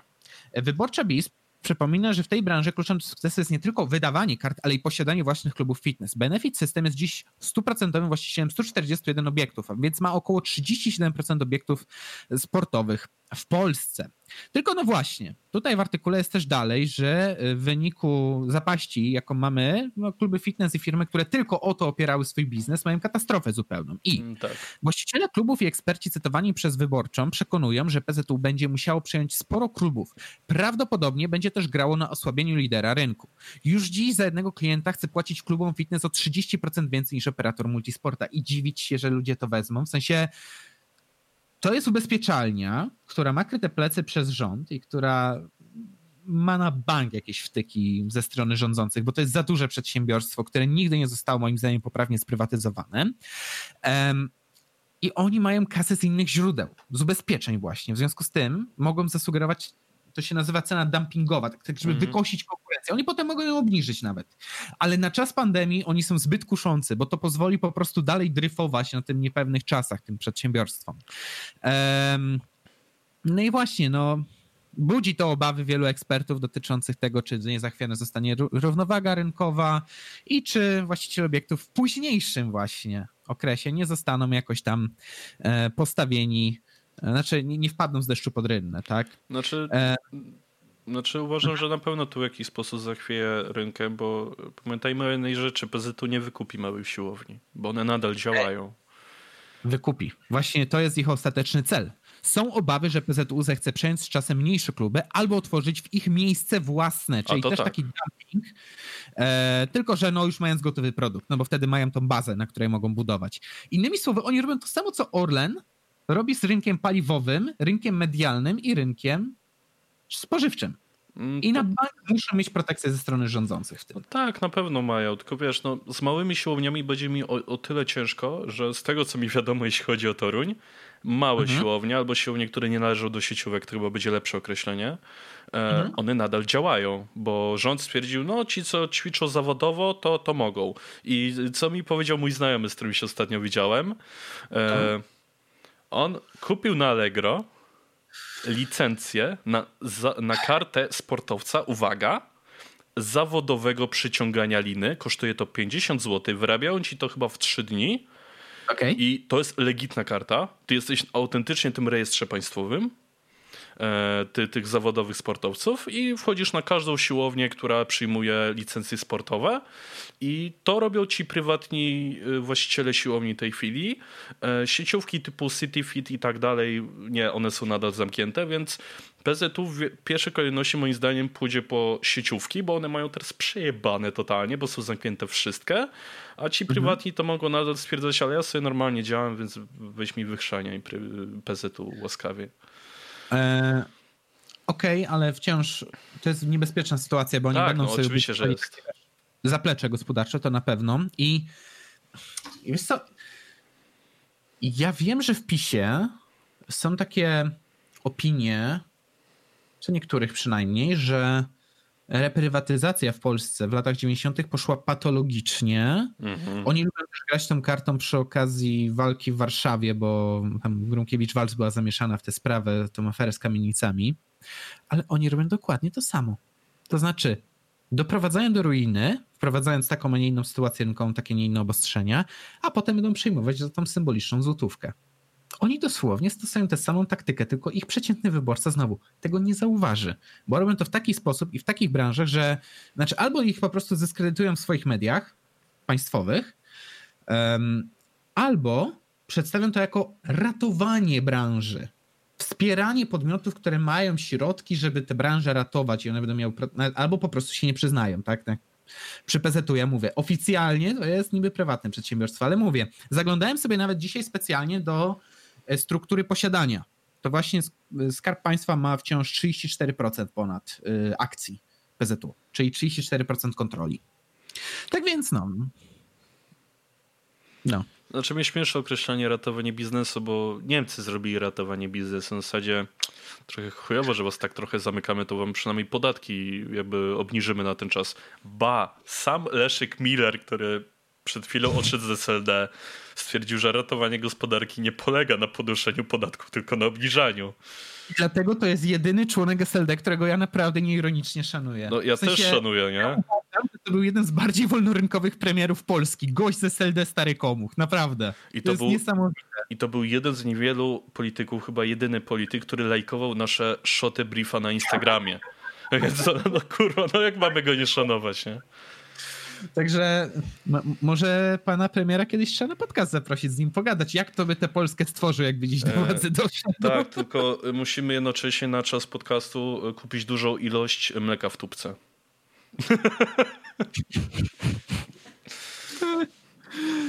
o matko, czekaj, mi się tu okno otworzyło przez ten przeciąg. Zamknę sobie okno, już zamknąłem. Spoko. I teraz um, właśnie jak już jesteśmy przy lewicy, trzeba o jednej rzeczy koniecznie pogadać o pani Monice Pawłowskiej. Znaczy, ta, ta, sytuacja jest w ogóle tak nagła i kuriozalna, jak ja o tym czytałem w pierwszej kolejności, że to jest takie... Jakie czasy, taka nocna zmiana.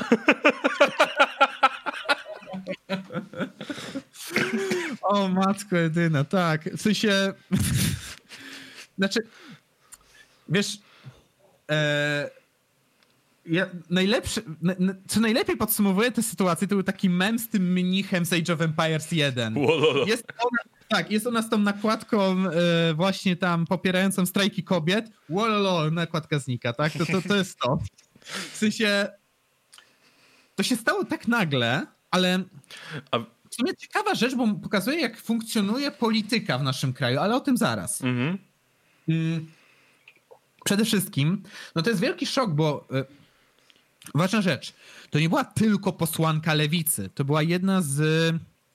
Jakiś koordynatorek krajowych czy coś takiego? Wiceszef, to była wiceszefowa klubu, o. o no. To była wiceszefowa klubu.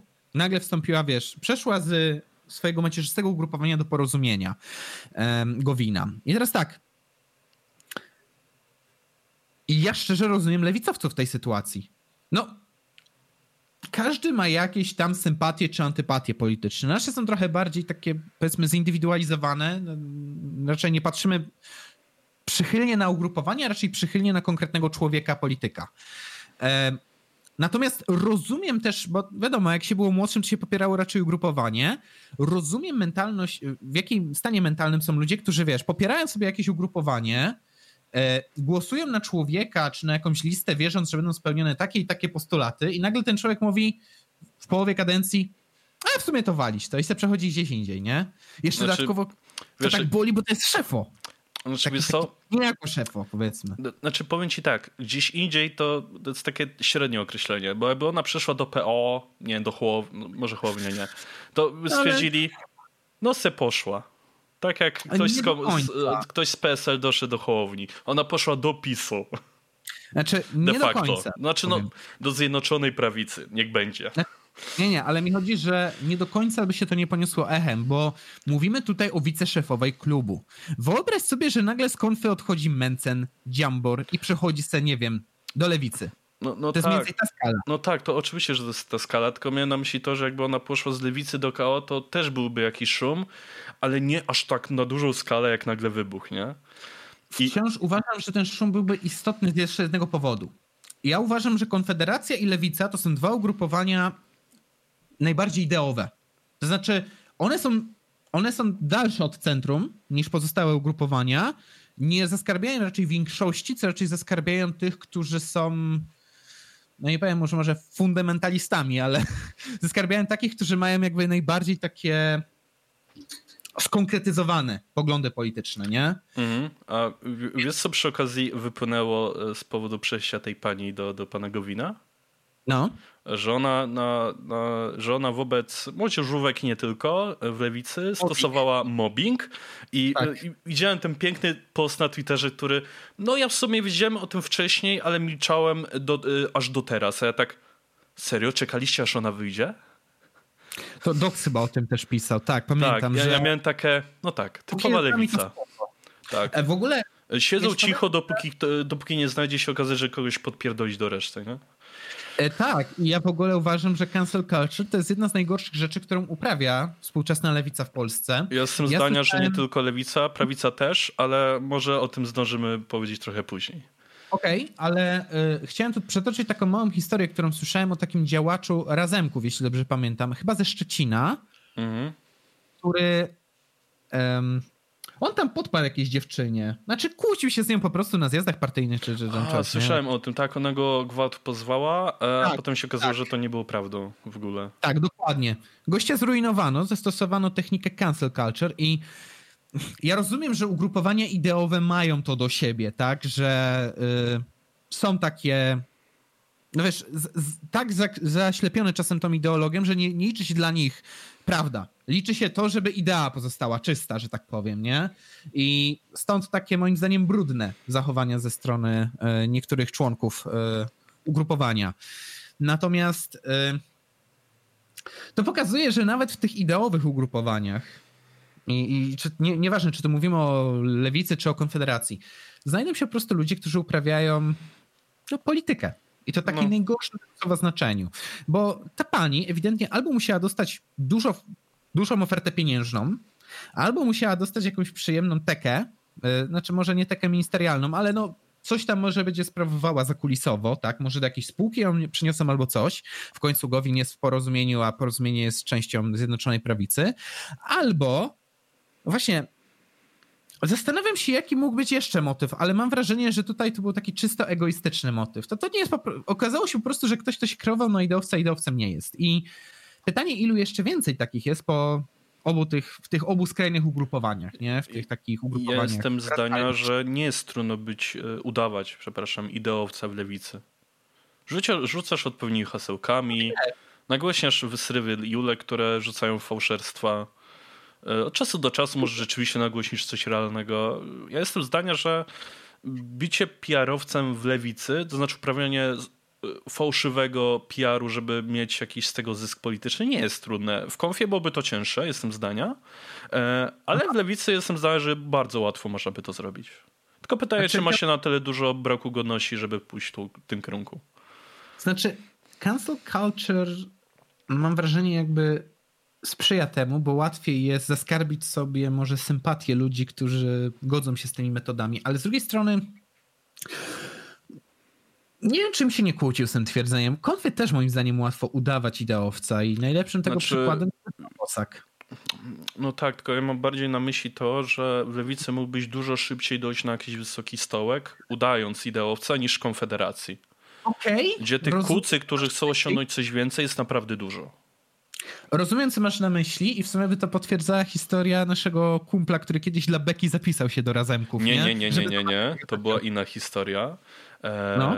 Nasz kolega Damian chciał zapisać się do partii Razem, A, tak, ale tak. nie udało mu się to. To znaczy on zrezygnował z tego tytułu, że on odkrył jak działa tam e, iście w górę. Tam jest de facto mhm. system kastowy, nie oszukujmy się. E, I okazało się, że jak oni zauważą, że ty masz trochę więcej oleju w głowie, że ty umiesz myśleć, nie jesteś debilem, e, to oni ci nie pozwolą za cholerę pójść gdzieś wyżej. Oni będą cię blokować na każdym szczeblu, bo mhm. oni w tym momencie mają świadomość, że jeśli ty jesteś bardziej inteligentny niż oni, to ty zrobisz dokładnie to, co robili komuniści w ZSRR. Ty ich się pozbędziesz, mhm. jak będziesz u góry zastosujesz dokładnie tą samą taktykę. I oni w ten sposób tych mądrych blokują na, na, na dolnych yy, tych kastach. Czyli mówisz, że pewne tradycje nie umierają. Dokładnie tak. No, no. no tak. Ej, ale znaczy... teraz rzucę bardzo odważną tezę. No. A właściwie hipotezę. Czy cancel culture nie, nie są gułagami XXI wieku? To, to jest bardzo podobna metoda, która tak samo niweczy człowieka. Do zera. Bardziej cancel culture, to bym powiedział, to jest współczesny dyktator takiego ZSRR. To jest, to jest taki współczesny Stalin, bo... Współczesny NKWD. Tak bym to ujął. O, dobra, dobra, no to, to, to może tak. Taka nowa służba, tylko że nikogo nie musisz werbować, ludzie się sami do niej znaczy werbują. Znaczy NKWD, o, to, KGB, to będzie ładniejsze określenie, bardziej globalne. To, to, to jest ewolucja, wiesz, z NKWD powstała tam właśnie też. To, to jest ewolucja, nie? Teraz mieliśmy już KGB, w tej chwili mamy tą, tą e, ta, kurna, sprawdzałem, jak się ta służba nazywa, no to ten, ten wywiad rosyjski, tak jakoś tam to się nazywa w tej chwili, to jest tam coś federacji co, rosyjskiej. Coś FSB. Tam, coś tam. FSB, o właśnie, FSB. To są Federalne e, Służby Bezpieczeństwa. Służby Bezpieczeństwa, właśnie. E, I ten... Y, znaczy, metoda jest dziwnie zbliżona, to znaczy... No popatrz, no, no Stalin dosłownie... Tak, no Stalin dosłownie wymazywał ludzi, bo były przykłady na przykład na zdjęciach, więc dosłownie pozbywał się jakby metryki człowieka z systemu. I cancel no. culture to jest dokładnie robienie tego samego, bo osoby, które naprawdę porządnie oberwały cancel culture, cancelingiem, to są najczęściej osoby, które już nie wróciły do, do bycia publicznymi, albo są tak mali nagle, że oni się już nie są w stanie przebić do góry, bo co chwila ktoś im dowali tym, co się stało kiedyś, nie? I to jeszcze przypominę jedną metodę. To jest znane ze środowisk ortodoksyjnych Żydów. E, tam bowiem funkcjonuje taka kara zamilczania cię. Mhm. to trochę mi też przypomina cancel culture. To znaczy, jak już jesteś skancelowany, to udaje się, że jakby nie istniejesz. Tak poniekąd przynajmniej. Nie mówię, że do tego stopnia to dochodzi, ale jest to jakaś taka metoda, bym rzekł. E, no nie wiem, to, to, jest moim zdaniem chore, bo to degeneruje ruch w dłuższej perspektywie, nie? Tak, to znaczy. Ale... To, co generalnie no. zauważyłem w internecie, to jest to, że mamy przykładowo kogoś, kto się kreuje na lewicowca, jest w tych bańkach lewicowych, e, aktywny, potem staje się duży. Potem okazuje się, że nie wiem, użył N-Worda 10 lat temu, tutaj kogoś być może molestował, czy robił coś innego, e, go się kanceluje. To jest osoba, która ni cholery nie odbije się w, w bańkach prawicowych, czy, czy jakichś innych, bo tam był zawsze, że tego to nie. Teraz jest mhm. jeszcze uwalony w swojej bańce. On już jest uwalony de facto jakby w internecie tak na, na globalnie, na dużą skalę. E, I to jest e, bardzo podobne właśnie do zamilczania, bo mhm. dlaczego zamilczanie w tych środowiskach żydowskich działało? Działało no. z tego względu, że dzieciaki, które były w tych środowiskach, bardzo często uczono tylko języka jidysz, czyli tego ich takiego wewnętrznego. Jest też swoją drogą dokument na Netflixie właśnie o, o osobach, które wyszły, jakby opuściły te, te E, te środowiska żydowskie w Nowym Jorku między innymi. E, nie mhm. pamiętam tytułu, ale myślę, że znajdziecie bez problemu. Bardzo polecam ten dokument. E, I bardzo często dzieciaki, które są wychowywane w tych, tych środowiskach, E, nie są w ogóle przystosowywane do życia w społeczeństwie. Nie umieją liczyć, nie umieją w ogóle na przykład języka angielskiego albo bardzo słabo, e, nie wiedzą jak podjąć pracę, nie wiedzą w ogóle co to jest CV, nie są w ogóle nauczone życia w jakimkolwiek społeczeństwie, poza mhm. swoim i w efekcie jak już dojdzie do sytuacji, że zaczynasz być zamilczany, to ty nagle odnajdujesz się w świecie, gdzie po pierwsze prawie z nikim się nie dogadasz, chyba że coś tam łyknąłeś tego angielskiego e, i po drugie zupełnie nie wiesz, co masz zrobić. Stajesz się nagle bezdomnym i, i nie wiesz w ogóle, jak masz się odnaleźć w nowym społeczeństwie, w którym się e, znalazłeś. I cancel culture to jest trochę to samo, tak naprawdę. Bo, znaczy, kurczę, bo de facto tak zamilcza ci internet, nie? Znaczy, przypomniałem sobie profil takiego gościa, yy, jakiś dziennikarz Washington Postu chyba. Właśnie był takim pisarzem freelancerem, nie? Takim mm -hmm. aspirującym dziennikarzem zdalnym. Właśnie w czasie akcji MeToo, które też się opierało metody cancel culture, tak?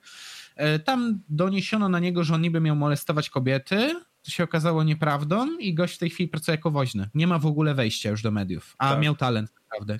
Chciano go usunąć, bo no, zagraża co mniej zdolnym e, pracownikom, tak? I, I dlatego tam został umieszczony na tej liście. Natomiast na tak, takiej liście złych mężczyzn, no, tam, tam taki dokument Google'a krążył swego czasu, gdzie zamieszczano takich ludzi, jak ktoś tam się pojawił, to wiesz, smowa milczenia od razu.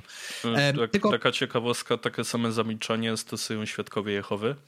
O, tak, to też Tylko prawda, tak. tam, jak zostaniesz wykluczony, masz trochę łatwiej, bo jeśli jesteś świadkiem Jehowym w Polsce, to, to chcąc nie chcąc umiesz mówić po polsku i trochę wiesz, na czym polega życie w społeczeństwie, więc tam dużo łatwiej się odnajdziesz. E, mhm. I taka ciekawostka, jak was bardzo często, zbyt często nachodzą świadkowie Jehowi i chcecie się ich pozbyć raz na zawsze, e, to jest metoda, którą zasłyszałem od naszego wspólnego znajomego, który ma dużo znajomych e, świadków Jehowy.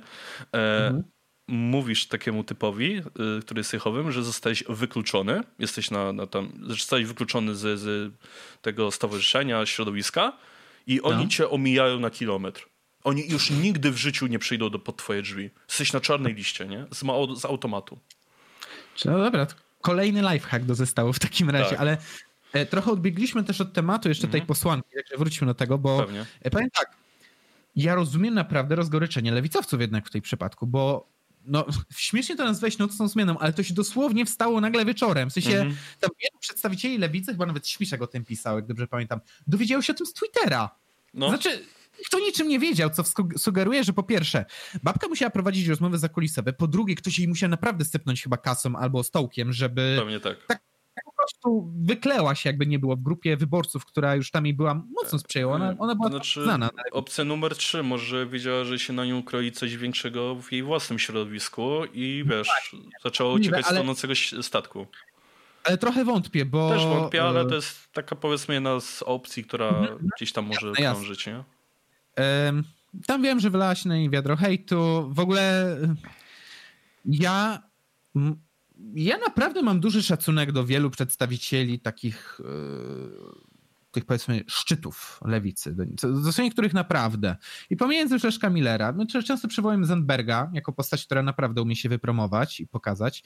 Yy, szczerze powiedziawszy, ostatnio widzę, że mocno w oczach lewicowców i nie tylko lewicowców zyskuje człowiek, z którym ja się mogę czasem nie zgadzać, ale yy, śpiewak. Ja śpiewak. Znaczy nie jest może per se przedstawiciel, wiesz, ugrupowania, ale chodzi mi o... Wiem, co masz na myśli. Tworzą się tam takie persony, które powiedzmy zdobywają jednak jakiś tam szerszy szacunek, tak? Znaczy, za jedną rzecz mogę jedna śpiewaka uszanować. No. E, za jego akcje dotyczące wytykania pato de.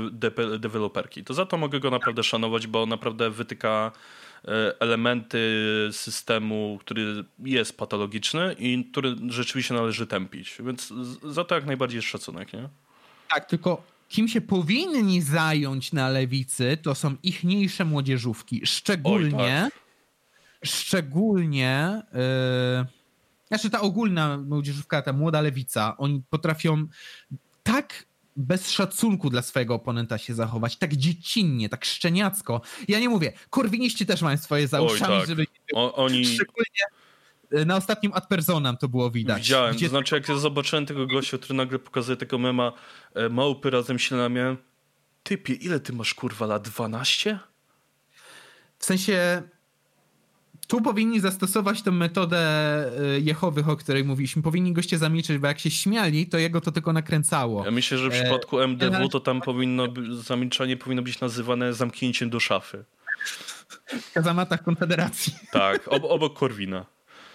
Ale to samo na przykład, nie wiem, y, dla mnie jedną z bardziej patologicznych młodzieżówek jest też Federacja Młodych Socjaldemokratów. O y. Znaczy, oni też potrafią zupełnie zachowywać się niepoważnie, a jak odeszła ta, y, ta pani, y, to Która? pamiętam, y, no, o a, której rozmawiamy, mm -hmm. tak, pani, Pawłowska. Ta, pani szefowa, Pawłowska, tak właśnie. Pojawił się od razu memik z nią, wiesz, z pomalowaną twarzą na, na styl klauna, z dopiskiem XD. Znaczy, ja nie mówię, debata publiczna ostatnio zaczyna być coraz bardziej taka mimiczna. Ale kurna, to trzeba z jakimś smakiem stosować. Jak, jak, słyszysz, jak słyszysz takie soczyste XD po dłuższej logicznej wypowiedzi, to inaczej wybrzmiewa niż hehe, odeszła, patrzcie, śmiejemy się, mamy dystansik. No, no nie, w sumie u nas, u nas ona robiła mobbing, ale wcześniej u nas była, więc siedzieliśmy dupa cicho, a teraz wyszło, więc, więc teraz możemy to, to jej wytknąć. Tak, e... właśnie w tym memie Federacji Młodych Socjaldemokratów nagle właśnie pojawiły się te tweety, które o tym mówiły. Wcześniej dupa cicho, tam parę miesięcy to trwało. Właśnie młodych to dotyczyło, bo to właśnie, jak mówiłeś, w młodzieżówkach to miało miejsce. Z tego, co słyszałem, to tak, no. Ale z drugiej strony, żeby nie było też, że jestem jakimś wielkim idealistą. Chciałbym być, ale to jest polityka. Tutaj póki ktoś nie jest dla ciebie bezpośrednim zagrożeniem, takie sprawy się faktycznie przemilcza. Niestety. I pytanie, ile takich patologii ma miejsce w pozostałych ugrupowaniach też, nie, nie pomijajmy pozostałych. Może i dobrze, że wyszły te patologie, jeżeli faktycznie są prawdą, a nie są też pustym oskarżeniem, bo już naprawdę wolę uważać w dzisiejszych czasach z czymś takim, bo kto wie, czy to nie jest takie rzucenie na zasadzie, żeby jeszcze bardziej ten most No to tak, tam, no. Spalić, też może nie? tak być, choć no, no, zobaczymy jak się akcja rozwinie, no bo wiesz, no Skarżenia o mobbing są bardzo często takie puste. Znaczy, mam na myśli to, że nawet jakbyś chciał z tym iść do sądu, to zaraz wyjdzie, że w sumie to nie ma żadnych dowodów. Średnio da się je zebrać. No. Ale nie, taka prawda. Oprócz, yy, oprócz zeznawania jakichś osób, ale to jest nadal x głosów przeciwko x głosów. Yy, I tak samo akcja MeToo to też wyszło, że w wielu przypadkach to tam za bardzo nic się nie klei albo nie ma dowodów i w zasadzie to duża część tych historii, oprócz tego, żeby pewnie były prawdziwe historie, które naprawdę są przykre i należy z tym walczyć, to założę się, mhm. że było mnóstwo historii, gdzie później okazywało się, że nie da się tego jakkolwiek zaskarżyć do sądu i wybronić i w efekcie to szkodziło całej akcji, która być może rzeczywiście mogła mieć jakieś yy, dobra, dobre założenia, nie? Tak, zresztą yy, takim pokłosiem w ogóle akcji MeToo, o czym się mówiło bardzo szeroko w USA, było to, że policja jeszcze mniej zaczęła ufać kobietom. No. W środowisku pracy też e, normą stało się na przykład, że nie wolno, jak jesteś szefem, menedżerem, nie wolno przyjmować kobiety do gabinetu, jeżeli nie ma tam chociaż jeszcze jednej osoby. E, naprawdę, taka, taka milcząca nienawiść się pojawiła. To tak naprawdę, mówię, masz pełną rację, to mogła być e, akcja, która zmieni wiele na lepsze, ale w rzeczywistości doprowadziła do głębszej patologii, której nikt nie przewidywał, no bo myśleć zawczasu, panie, kto ma na to czas dzisiaj, he, he, he. E... No i też stworzyło dużo takich patologii u nas w kraju, myślę, no na przykład e, pewna pani Maja, aktywistka, która jest, jest słynna z gwałcenia wzrokiem e, i pisania o tym, co naprawdę już mi ponosi ciśnienie, bo dyskredytuje zupełnie prawdziwe ofiary. To, tak. To, to, naprawdę, to, jest naprawdę bardzo przykre, że dosz, dosz, doszliśmy do czasu, gdzie kręci się bekę z gwałtu. Znaczy, Bekę, ja bym powiedział tak, robi się na tym biznes. Mm, bo to ona też. jest, pamiętajmy, ona jest zawodową aktywistką. Znaczy, biznes więc... to biznes, robi się na tym też politykę i to jest przykre. Tak, prawda? No i poza tym ta atencja nie dość, że się przekłada na pieniądze, to jeszcze uważam, że takie osoby jak pani Maja Staśko czy, czy pani Klimsara, o, to jest kolejny świetny Ej, przykład. Ale ostatnio Klimsara miała odrobinę rikczu. Ale, ale ogółem to ja tak, nie... no. To, to, mówisz o ziarenku w rzece główna, tak? E, mhm. Jakby to powiedział Jim Leahy. E, ogólnie rzecz ujmując, e, to są osoby z przerostem ego. I ja nie mówię, w ogóle w polityce jest wielu egoistów, wielu osób, które chcą tylko walidacji samego siebie, nawet jeżeli nie przynosi to bezpośrednich korzyści, nie wiem, czy to majątkowych, czy politycznych. Ale przykro jest patrzeć, że przez takie osoby tak istotne kwestie są tak dyskredytowane albo budzą taki niepokój. Zresztą no, nawet to widać po mojej wypowiedzi dzisiaj, e, gdzie ja rozumiem, jak to jest poważny problem, rozumiem, że należałoby się tym zająć, ale sam siebie już powstrzymuję, że tak uważaj z ferowaniem wyrokami, bo dzisiaj wielu ludzi po prostu kłamie. No. To jest bardzo przykre. Zwyczajnie bardzo przykre. No, jest to przykre i się boję, do jakich absurdów dojdzie w tej przykrości, nie? Bo Hmm, bo tak długo jak to pozostaje na stopie tego, że Klimasara po jednym postem pisze, że idzie na marsz 1 maja, bo broni ludzi pracy, a po drugim pisze, że ona to pracy nie będzie się pałać, bo ona studiuje prawo, no to jeszcze jest pół biedy, bo z tego przynajmniej poskręcamy bekę, nie? Ale jak dochodzi do sytuacji, gdzie, gdzie się czyta opowieści, że poszło się do klubu pobawić, ale się widziało te wzroki, które chcą za chwilę cię zgwałcić, będziesz rozjebana, skurwysyn, to naprawdę mnie to przeraża. Tak, tymczasem przeciętny typ, który jest w barze i gapi się na laskę i, i ma prawdopodobnie już coś koło dwóch promili we krwi. Tak, i po prostu gapi się na laskę nie po to, że chce ją zgłosić, tylko już jest tak napierdolony, no, że gwałci tak, się na cokolwiek, co, na czym może skupić wzrok, nie? Tak, do, do, dokładnie, w sensie zawiesi się. Znaczy, dobra, żeby też nie dyskredytować, żeby nie ośmieszać, jasne, mogą wystąpić takie sytuacje, ale mówię, przez artykuły takie jak te, no właśnie, niestety, ale pojawia się też tendencja w społeczeństwie do wyśmiewania tego, bo jak człowiek to czyta, ma po prostu w głowie, to jest po prostu absurdalne, a absurd się wyśmiewa. Um, no, ale skoro o absurdach mowa, skoro o kobietach mowa, słyszałeś co tam w kanale Suezkim? nie no, nie wierzę, to... Nie, po prostu wprowadzili tam również lockdown. tak? Działa? Działa. Wszystko stoi. Tak, starożytny, starożytny poeta. Wszystko płynie, współczesny świat, wszystko stoi.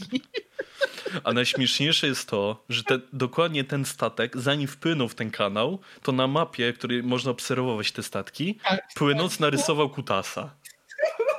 Nie, naprawdę sequel 2020 roku zapowiada się bardzo ciekawie. Nie, jak wtedy mieliśmy thriller sensacyjny, tak teraz mamy naprawdę taką komedię i to w stylu, nie wiem, Borata, naprawdę. To, co się dzieje, ja nie powiem, że się nie dzieją rzeczy poważne w tej chwili na świecie. Zresztą w najbliższym briefie będę opowiadał o tym, jak napięta jest teraz sytuacja między Chinami i USA, ale ja w tych chwilach tak po prostu nagle mogę się rozluźnić i powiedzieć, no tak, możesz wymyślać, możesz kombinować, ale życie napisze najlepsze memy. Po prostu. A najlepsze jest to, że w tej chwili jedyną rzeczą, która może uratować tę sytuację w tym kanale, to jest ta jedna koparka.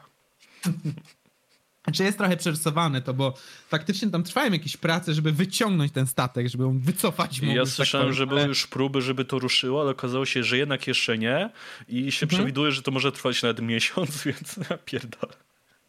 Reject modernity, return to, e, return to medieval times, tak? Znaczy nawet wcześniej, nawet do, do Renaissance times, tak? E, albo po prostu return to mankę, bo trzeba płynąć całą Dobra, nie robię tego żartu. E, wracając. E, chodzi generalnie o to, że tankowiec, znaczy tankowiec, przepraszam, tankowiec, e, kontenerowiec, który płynie przez kanał Suezki, to, to jest jak jazda drogą jednokierunkową. To jest wąskie. Tam, tam trzeba płynąć prosto i kij i się nie oglądać. Tam zresztą jest kontrola ruchu. No i jakimś cudem, to, to, był chyba w ogóle dziwiczy rejs tej pani kapitan, która, która zarządzała tym statkiem, nie? Przepraszam. No, wiele osób za, za, nazwie mnie za to seksistą, ale nie, muszę, to, tak. muszę to powiedzieć. To parcie kierowała kobieta. Ja no. Ale tak czy inaczej, jak to się stało, że ona skręciła? Bo jeżeli ktoś ma szersze informacje, naprawdę zachęcam do podzielenia się w komentarzu, bo przyznam szczerze, ja miałem trochę spraw na głowie ostatnio do dokończenia i ja tylko tak pobieżnie śledziłem kwestię. No chciała Jednakże... zawrócić na trzy i nie wyszło. Zatrzymała się na raz, rozumiem. Znaczy, powiem tak. Mm, blokada kanału Suezkiego jednak jest bardzo poważnym kryzysem gospodarczym. To znaczy, jakby nam mało było lockdownu, dosłownie jedna z głównych arterii handlowych, która dostarcza nam tak naprawdę dużo szybciej lwią część towarów z Bliskiego i Dalekiego Wschodu tak naprawdę, z Azji, a wiadomo, Azja to jest tania elektronika, nagle jest nie do przepłynięcia, nie do ruszenia, bo ten kontenerowiec dosłownie zablokował cały kanał i ja, wiesz, yy, ja tak chciałbym śmieszkować, ale naprawdę na tym dziennie handel światowy traci około 10 miliardów. Łobanie, więcej niż Dzień. Sasin. Dokładnie. To tak, tak, dużo to, to, to już jest poważne. Ale ja się boję, jak wiesz, bo na razie mówimy o takiej makroskali. Mówimy o tym, ile traci handel światowy, taki abstrakcyjny twór. Ja się zastanawiam, ile straci przeciętny Kowalski? Jak to się odbije na cenach w Europie, bo to nas szczególnie moim zdaniem dotyka. W jaki sposób to wpłynie na. Um, w jaki sposób to wpłynie na że tak powiem, rozkład cenowy różnych towarów e, ze specyficznych branż, tak? Ja, ja wspomniałem o tej elektronice transportowanej nam z Azji, tak? Bo też prawda jest taka, że jasne, my możemy wymyślać sobie produkty elektroniczne tu w Polsce, czy tam, czy tam, no dobra, może nie w Polsce, ale nie wiem, w Niemczech, w Wielkiej Brytanii, czy, czy tam gdzieś. Ale kto je składa? Chiny, Indonezja, no. Tajlandia, to są główni tacy, tacy dostawcy tego. Czyli ten finalny produkt musi jeszcze do nas wrócić. Jasny jest transport lotniczy, więc nie spodziewam się, że to będzie skala taka już, że zupełnie nas wszystko zarżnie, ale transport morski, szczególnie przy takich dużych e, tonażach, e, możliwość przewiezienia większej ilości towarów się po prostu w pewnych branżach opłaca. Szczególnie mam wrażenie, że w branżach takich jak żywnościowa albo w branżach takich jak. No, zależy po prostu, czy ktoś hurtowo coś sprzedaje. Więc ja tak śmieszkuję, śmieszkuję, ale w rzeczywistości będę patrzył na tą akcję Evergreen. Yy, dobrze pamiętam? Tak, Evergreena, bo to, to, to, to ich kontenerowiec. E, bo na dłuższą metę to nie jest nic dobrego. Jeżeli to faktycznie potrwa ten miesiąc, a nie powiedzmy tydzień, no coś czuję, że możemy to w jakimś tam stopniu odczuć po portfelach i to tak w skali kontynentu bym rzekł. Ale co, że kryzys czy jeszcze nie? Nie, nie, nie, może nie kryzys, Właśnie ale... jak Cezary Graf już tam nagłasia, no będzie kryzys już na pewno. Ale na pewno jakieś tąpnięcie odczujemy. I pytanie, czy ono będzie sektorowe, czy ono się trochę bardziej rozniesie. Ciężko mi stwierdzić. Tak czy inaczej, to jest taki trochę śmiech przez memy, tak? Znaczy taki płacz przez memy, nie? To znaczy niby śmiesznie, niby fajnie, niby są zasięgi, jak się wrzuci zdjęcie koparki, która odkopuje kontenerowiec, tak? Ale bądźmy też szczerzy, to ma poważne konsekwencje i Jestem też, jestem też szczerze ciekaw, co wykaże ostateczne, jakieś tam śledztwo jest zapewne prowadzone, jak do tego doszło w ogóle w pierwszej kolejności i czy czasem nie podajemy jakiejś inwestycji po, po fakcie, żeby ta sytuacja się nie powtórzyła. Nie wiem, czy ktoś by teraz chciał wykładać kasę na poszerzanie kanału sueskiego, ale kto wie, może? Ja nie zawrócę, potrzymaj mi piwo. tak czy inaczej, no. No. To, to oznacza jednak na pewno skok cen. I nawet już pomijając te produkty wyżej przetworzone, no przejdź sobie na przykład też, załóżmy, że jesteś eksporterem żywności, takimi kontenerowcami to przewozisz gdzieś tam, nie wiem, z Indii, e, czy, czy, czy, czy nie wiem, powiedzmy z tego wschodniego krańca Afryki, tak? I nagle musisz opłynąć całą Afrykę. Przecież to się przekłada na wyższy koszt nawet paliwa. No tak. Do transportu. Więc mam nadzieję, że szybko rozwiążą tę sytuację, bo nie chciałbym nagle sobie, nie wiem, iść po ryż i zobaczyć, że podroża tam o x złotych, tak? Czy po herbatę, o, czy kawę, tak? No to takie produkty tutaj mowa, czy przyprawy. No. Dlaczego masz się znajdzie jakiś prawicowy szur, który zacznie robić analizę ala Max Kolonko? E, no popatrzcie Państwo, przecież na tym kontenerowcu jest napisane evergreen. Evergreen to znaczy zawsze zielony. Znaczy, że to byli ekolodzy, to była zaplanowana akcja. Oni chcą zatrzymać cały handel, bo są nie daje pani. Ci jebani ekolodzy chcą nam wszystko odebrać. Znaczy... znaczy... Nie wiem czemu, ale jak mi powiedzieliście, prawicowym szurze, który ma przekłaniać kolonką, od razu mam skojarzenie z jedną osobą. No. Karol Wilko Show. Jezus Maria, jak ja tego gościa nie trawię. To jest gość, który takie fikołki potrafi odpieprzyć w materiale i robi to z tą taką on, manierą amerykańską, taką on, on ostatnio miał jakąś debatę z Rurkowcem i podobno, o Boże. Mówiłem o tym, Jezus Maria. W sensie Rurkowiec nawet się podobno nie musiał mocno starać, żeby wypaść w tej debacie po prostu na zwycięzcę, nie? No to, to, podobnie jak raz admini jebawcy, jebawki w czasach jej świetności mieli debatę z Szumim, to Szumi gadał, oni siedzieli tak, nie? I to, to, to jest jedyna rzecz, którą oni musieli robić. Ej, kurczę. No, no, podsumowując, no, pana Wilkosza nie lubię. Statek stoi, rzeka płynie, handel, handel światowy nie płynie. Jest, utracił płynność, hehehe, he, he, taki finansowy żarcik, no. Ogólnie. A wiatr zaledwie gałązką kołysze. Nie, nie śpiewaj, proszę cię. Dobrze. Dobrze. Dobra. czy, czy, czy, czy jest coś, co dodałbyś do tego festiwalu, festiwalu beki chujowizny, bo, bo chyba tak możemy to określać w tym momencie. XD? Ale, ale mi chodzi jeszcze jakiś newsik, może coś. Z tego, co się obecnie dzieje, no ostatnio, ostatnio, e, o, ostatnio pana, pani Maja Staczka, jak już przy niej jesteśmy, odkryła jak, odkryła na czym polega wycenianie piłkarzy. A, I że nie płaci się tylko za kopanie piłki, ale za zasięgi, że to kosztuje. I że, że nie trzeba mieć tylko Patronite'a i zarabiać z niego 4000 zł miesięcznie, żeby, żeby wnieść jakąś wartość, żeby ktoś chciał ci za, za to zapłacić, ktoś inny niż simpy, którzy i tak się nie wruchają. Ja, ja się cieszę z tych czterech stów, które my mamy. To już, to już dobrze. Przy naszych gabarytach to już dobrze. Tak. Y, I od, pani, pani Maja Staśko odkryła, że no jak to może mieć zegarek warty tyle co mieszkanie w Warszawie, czy tam w Łodzi? Ale jak to możliwe? To, to takie rzeczy istnieją? To, to, dlaczego?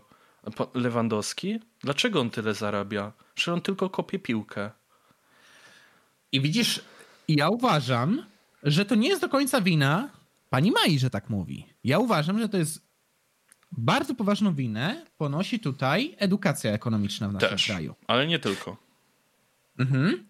Jestem zdania, że skrzywdzili ją też rodzice. No to już tak wiesz. Bo pani Maja pochwaliła się na Twitterze. No przecież mi Aha. rodzice powtarzali przez całe życie, że jak będzie, będę się dobrze uczyła i będę miała dobre oceny, to będę dużo zarabiać. A w szkole miałem sama piątki, a, a ja teraz nie zarabiam a. dużo. Dlaczego? Tobie chodzi o to, że była wychowywana pod kloszem takim, że... że e, była wychowywana pod tym mitem, że żeby zarabiać duże pieniądze, to musisz się dobrze uczyć, co w, jestem zdania, że w czasach obecnych Popatrzcie na, na, mnie jakby, nie? Ja jakiejś grubej mamony na razie nie koszę. Może kiedyś. Znaczy, myślę, że w jej przypadku chodziło o to, że jak skończysz dobre tak, studia, to tak. będziesz zarabiała zajebiste pieniądze. Pracodawcy będą z, z umowami w zębach do ciebie przychodzili. Nie, Szczerze? to tak nie działa. Szczerze, nie, znaczy jak masz edukację, ok, ale wiesz na co na przykład u mnie w CVC najczęściej się zwraca uwagę, jak gdzieś tam idę na jakąś rozmowę? Mhm na to, że mam certyfikat C2 z angielskiego i na to, że prowadzę YouTube'a. To są rzeczy, które tak przykuwają uwagę, że ja pierdzielę. Tak, ja też już dwa razy dostałem pracę nie? dzięki temu, że oprócz tego, że dziś pracowałem, to robię tego YouTube'a, bo to oznacza, że jestem po prostu pracowity i, i za przeproszeniem nie jestem debilem. Że coś tam samemu ogarniesz, nie? Że, że można, cię, można ci zaufać, że jak że dasz radę ogarnąć jakieś tam dodatkowe obowiązki czy coś. Dokładnie. Tak, to wychodzi na plus, ale um, znaczy być może jest to taka krzywda, bo y, tak, jak, jak rodzic wychowuje dziecko w takim przekonaniu, że no zrób to, będzie na pewno to, nie, nie, nie, nie informuje go o tym, że świat potrafi być po prostu niesprawiedliwy, to tak, ale ja zwróciłem uwagę na tą edukację ekonomiczną, bo Jezus mnie to uderza, ale to dlatego, że mam wykształcenie z, tym, z tego zakresu. Jak bardzo ludzie mylą, um, jak, jak bardzo ludzie nie mogą zrozumieć, z czego bierze się wartość. O, że wartość nie jest wynikową użyteczności Wartość jest wynikową rzadkości, wypadkową rzadkości, o tak powinien powiedzieć. Znaczy, to, że coś jest dużo warte w naszych oczach, jest czysto subiektywne. Ale czym jest coś rzadsze, tym większą ma wartość marginalną. Znaczy, tym trudniej to dostać, tym więcej jesteśmy gotowi za to dać. To jest ten słynny paradoks wody i diamentów, tak? Jeżeli woda jest nam niezbędna do życia, to nie gwarantuje, że będzie ona bezcenna. Nie, jak jest wszędzie dosłownie dostępna, to jest tania, jak barszcz. Albo w sumie jak, jak, jak woda. Ale e, jak żyjesz w Afryce, gdzie masz do najbliższego źródła 40 kilometrów i jesteś na pograniczu, nie wiem, Sahary, to ta droga będzie, to, to ta woda nagle wzrośnie na wartości, bo ciężko ją tam dostać. Natomiast w Europie rzadko występuje taki kamień, co się diamentem nazywa. I pomimo tego, że w ogóle nam nie jest potrzebny, to ci, którzy będą chcieli go dostać, mają znacznie utrudnione zadanie, więc wydadzą na niego więcej. Innymi słowy, z rzadkości bierze się wartość. I pani Maja nie rozumie, że takich aktywistek jak ona są całe setki, ona zarabia na tym patronacie i tak te 4 tysiące i to, to jest dużo, bo Za najwyraźniej dużo. No jest, to już inna kwestia, ale no jest popularna najwyraźniej, więc osiągnęła sukces jak na aktywistkę i ona tego nie umie w ogóle dostrzec. Natomiast takich talentów jak pana Roberta, za które kluby są gotowe targować się na miliony, żeby tylko dostać tego zawodnika, jest bardzo mało. Ona nie rozumie, że to wynika z rzadkości zestawu umiejętności cech fizycznych, które pan Robert posiada. Znaczy na chwilę obecną pod kątem chyba samym sportowym Lewandowski jest chyba najbardziej utalentowanym piłkarzem w chwili obecnej? Coś też słyszałem, że jakiś tam rekord teraz ma bić, nie śledzę tak, tak piłki. Ja też ale... nie śledzę w ogóle, ale słyszałem, że tam jakieś nagrody podostawał, że, że on w ogóle jakieś rekordy bramek bije gdzie się da. No a poza mhm. tym no, sponsoruje bardzo duże marki i te marki mu płacą nie tylko za to, że umie kopać piłkę, tylko za to, że on jest bardzo popularny, więc... Tak, dokładnie. E, Taka ciekawostka, stąd biorą się hajs za reklamy. My, my, też chętnie przytulimy. No dobra, ale poważnie rzecz ujmując, to jeszcze, jeszcze dodatkowo, no tutaj można by oczywiście pogłębiać tę analizę, że to jest też trochę specyfika rynku piłkarskiego, że to jest szczególnie popularny sport, gdzie szczególnie dużo reklamodawców przyciąga. Oczywiście, jasne, i to się przekłada też na płace dla tych piłkarzy, e, ale też też taka nieumiejętność dostrzeżenia, jak rzadkim talentem jest e, Lewandowski na perspektywę, nie wiem, no do całego spektrum piłkarskiego, no bo ilu jest takich przeciętnych piłkarzy z Pścina Dolnego, która nigdy niczego nie osiągnie, która kopała tę piłkę, ale ich talent się po prostu nie rozwinął aż tak bardzo. I no cóż, no i no co, no skończyli powiedzmy jako dekarz, tynkarz albo nie wiem, pracownik yy, obrachunkowy w jakiejś firmie. No. Zwłaszcza, że w dzisiejszych czasach, jak chcesz być piłkarzem na wysokim poziomie, to po pierwsze już się do tego ciągną od małego. Wiek 6 lat jedziesz na pierwsze obozy sportowe do klubów, a mhm. po drugie musisz bardzo dużo jako rodzic zainwestować w takie, w takie dziecko. No dokładnie, jeszcze dodatkowo no, też trzeba mieć w tym pewnie odrobinę szczęścia, żeby cię zauważyli, ale co chcę pokazać, że nawet w, jakby ograniczyć zbiorowość ludzi tylko do piłkarzy, to wciąż Lewandowski jest tam czymś absolutnie rzadkim, tak. ale ludzie mają też tendencję, to jest taka nasza cecha, że lubimy gadać o tych, którzy odnieśli największe porażki czy sukcesy, lubimy gadać o ekstremach, to nas najbardziej ciekawi. No. W związku z tym, dlatego tacy ludzie są najbardziej na piedestale. To jest to taka, no, no, lubimy skrajność, bo nie jest dla nas czymś naturalnym. Naturalnie raczej wszystko jest w pewnej normie, ale jak usłyszymy historię o czymś niespotykanym, nie wiem, dlatego mam wrażenie, no Michał Pater powiedzmy taką popularność, tak, no bo dobra, dużo ludzi jeździ na autostopa, no ale ilu znasz ludzi, którzy pojechali na autostopa dosłownie objeżdżając, nie wiem, całą Rosję, całą Azję, odwiedzając demoludy, tak? Dodatkowo Autostop. tak dużo wiedząc o tej kulturze i umieć się tam odnaleźć, no i przede wszystkim w tak dobry sposób pokazać tą historię. Mhm, no, tak ma, więc... ma, mało który podróżnik, podróżnik pokaże ci, ej, w sumie to się najebaliśmy, wjechaliśmy na, na lodową rzekę i, i w sumie to się wjebaliśmy do niej, ale, ale jest browar. No, tak. I potem śpiewanie ten y, Lady Kocham cię! Kochaj mnie, tak, tak. tak. tak. No, ze skręconą nogą, na Syberii w zimę. Tak trzeba żyć. E, nie, to była wczesna wiosna, tak czy inaczej, no dobra. ogólnie powiem tak. No, ja bym pani Mai, panią Maję naprawdę zachęcam do tego, żeby po pierwsze trochę zluzować z ego, bo, bo to, to, nie pomaga w życiu dorosłym zdecydowanie, a po drugie no, może faktycznie jakiś kursik ekonomii w Instytucie Misesa, to by było coś, o czym można pogadać. Znaczy, myślę, że panią Majo, Maję prędzej czy później zweryfikuje życie, bo ten hajs Patronite'a prędzej czy później się kiedyś skończy. I pytanie, co, co będzie wtedy? Oczywiście będzie po pierwsze płacz, że jest niesprawiedliwie. O, zaskoczenie, życie jest niesprawiedliwe. E, a, a po drugie, e, pewnie będzie, o nie, ja muszę pracować. O boj. Och nie. Jesteśmy, Jesteśmy. zgubieni. No dobrze. Skoro jesteśmy zgubieni, to zaakceptujmy nasz los. Pomemowaliśmy, pośmieszkowaliśmy, porozmawialiśmy o tym, w jakiej wielkiej dupie jesteśmy pod kątem naszego NFZ-u. Myślę, że to wystarczy jak na dzisiejsze wydanie, dlatego pięknie wszystkim dziękujemy za wysłuchanie dzisiejszego wydania podcastu. Pogadajmy sobie niezwykle e, merytorycznego, pełnego e, poważnych przecież analiz Poważnego materiału. humoru. Poważnego humoru na poziomie takiego, takim taki minus 3 na zachętę, tak. tak. ale na poziomie jakimś, prawda. Zapraszamy także do odsłuchiwania nas na innych platformach, które macie wymienione w opisie. Zapraszamy do wspierania nas na Patronite, aby tworzyć jeszcze więcej takich merytorycznych materiałów. Zachęcamy oczywiście także do wzięcia udziału w ankiecie, o której Dawid wspominał na Dokładnie początku. Dokładnie tak. No i co tam jeszcze by można powiedzieć? No, no, no, mamy też jakieś tam sociale, zapraszamy, mamy Discorda, zapraszamy. No to, to są przecież wykwintne miejsca, gdzie wcale nie padają żarty o. Yy, o pewnym artyście z, z, z Wiednia, tak, tak, który, który troszeczkę potem zmienił po prostu profil pracownika, tak, odnalazł inne cele życiowe. W ogóle tam nie padają takie żarty nigdy, nic a nic. Nasz serwer jest bardzo tolerancyjny, nadal nie zbanowaliśmy jednego furasa. Tak. To, to jest, jest, naprawdę to jest, sukces. To, to jest chrześcijański serwer, tak, tam się, tam się zachowuje kulturę. No dobra, ale tak serio dziękujemy wam jak zwykle za oglądanie. No i co? No, no wszystko, co chcieliśmy powiedzieć, powiedzieliśmy. Dawid, czy masz jeszcze coś do dodania? Pada deszcz, będzie deszczowo pewnie. E, właśnie za tydzień Wielkanoc, więc tam e, powalcie się jajami, jakkolwiek źle to brzmi. Mm, spędzić ten czas bezpiecznie. A ty, ty, ty śmiesz w ogóle łapać facepalma, jak ja rzucam tymi moimi sucharami na briefach. Ty, ty, Musi ty być człowiek... zachowana równowaga, tak? Ci dwaj są jedno, tak? Tak, dokładnie. Dobra. Um, no, co, no, no, tak, no, no wesołej Wielkanocy. Jeszcze jeszcze będzie podcast na Wielkanocy. No nie ma tak. Także jeszcze, jeszcze wam wtedy złożymy życzenia pewnie świąteczne, ale to takie przedżyczenia świąteczne można. No i co? No to już chyba bardzo przedłużyliśmy tę końcówkę, to, to, to, to kończymy, nie? Tak, to ten. No, trzymajcie się, elo i do zobaczenia za tydzień. No, no. No, no. no, no. no. no.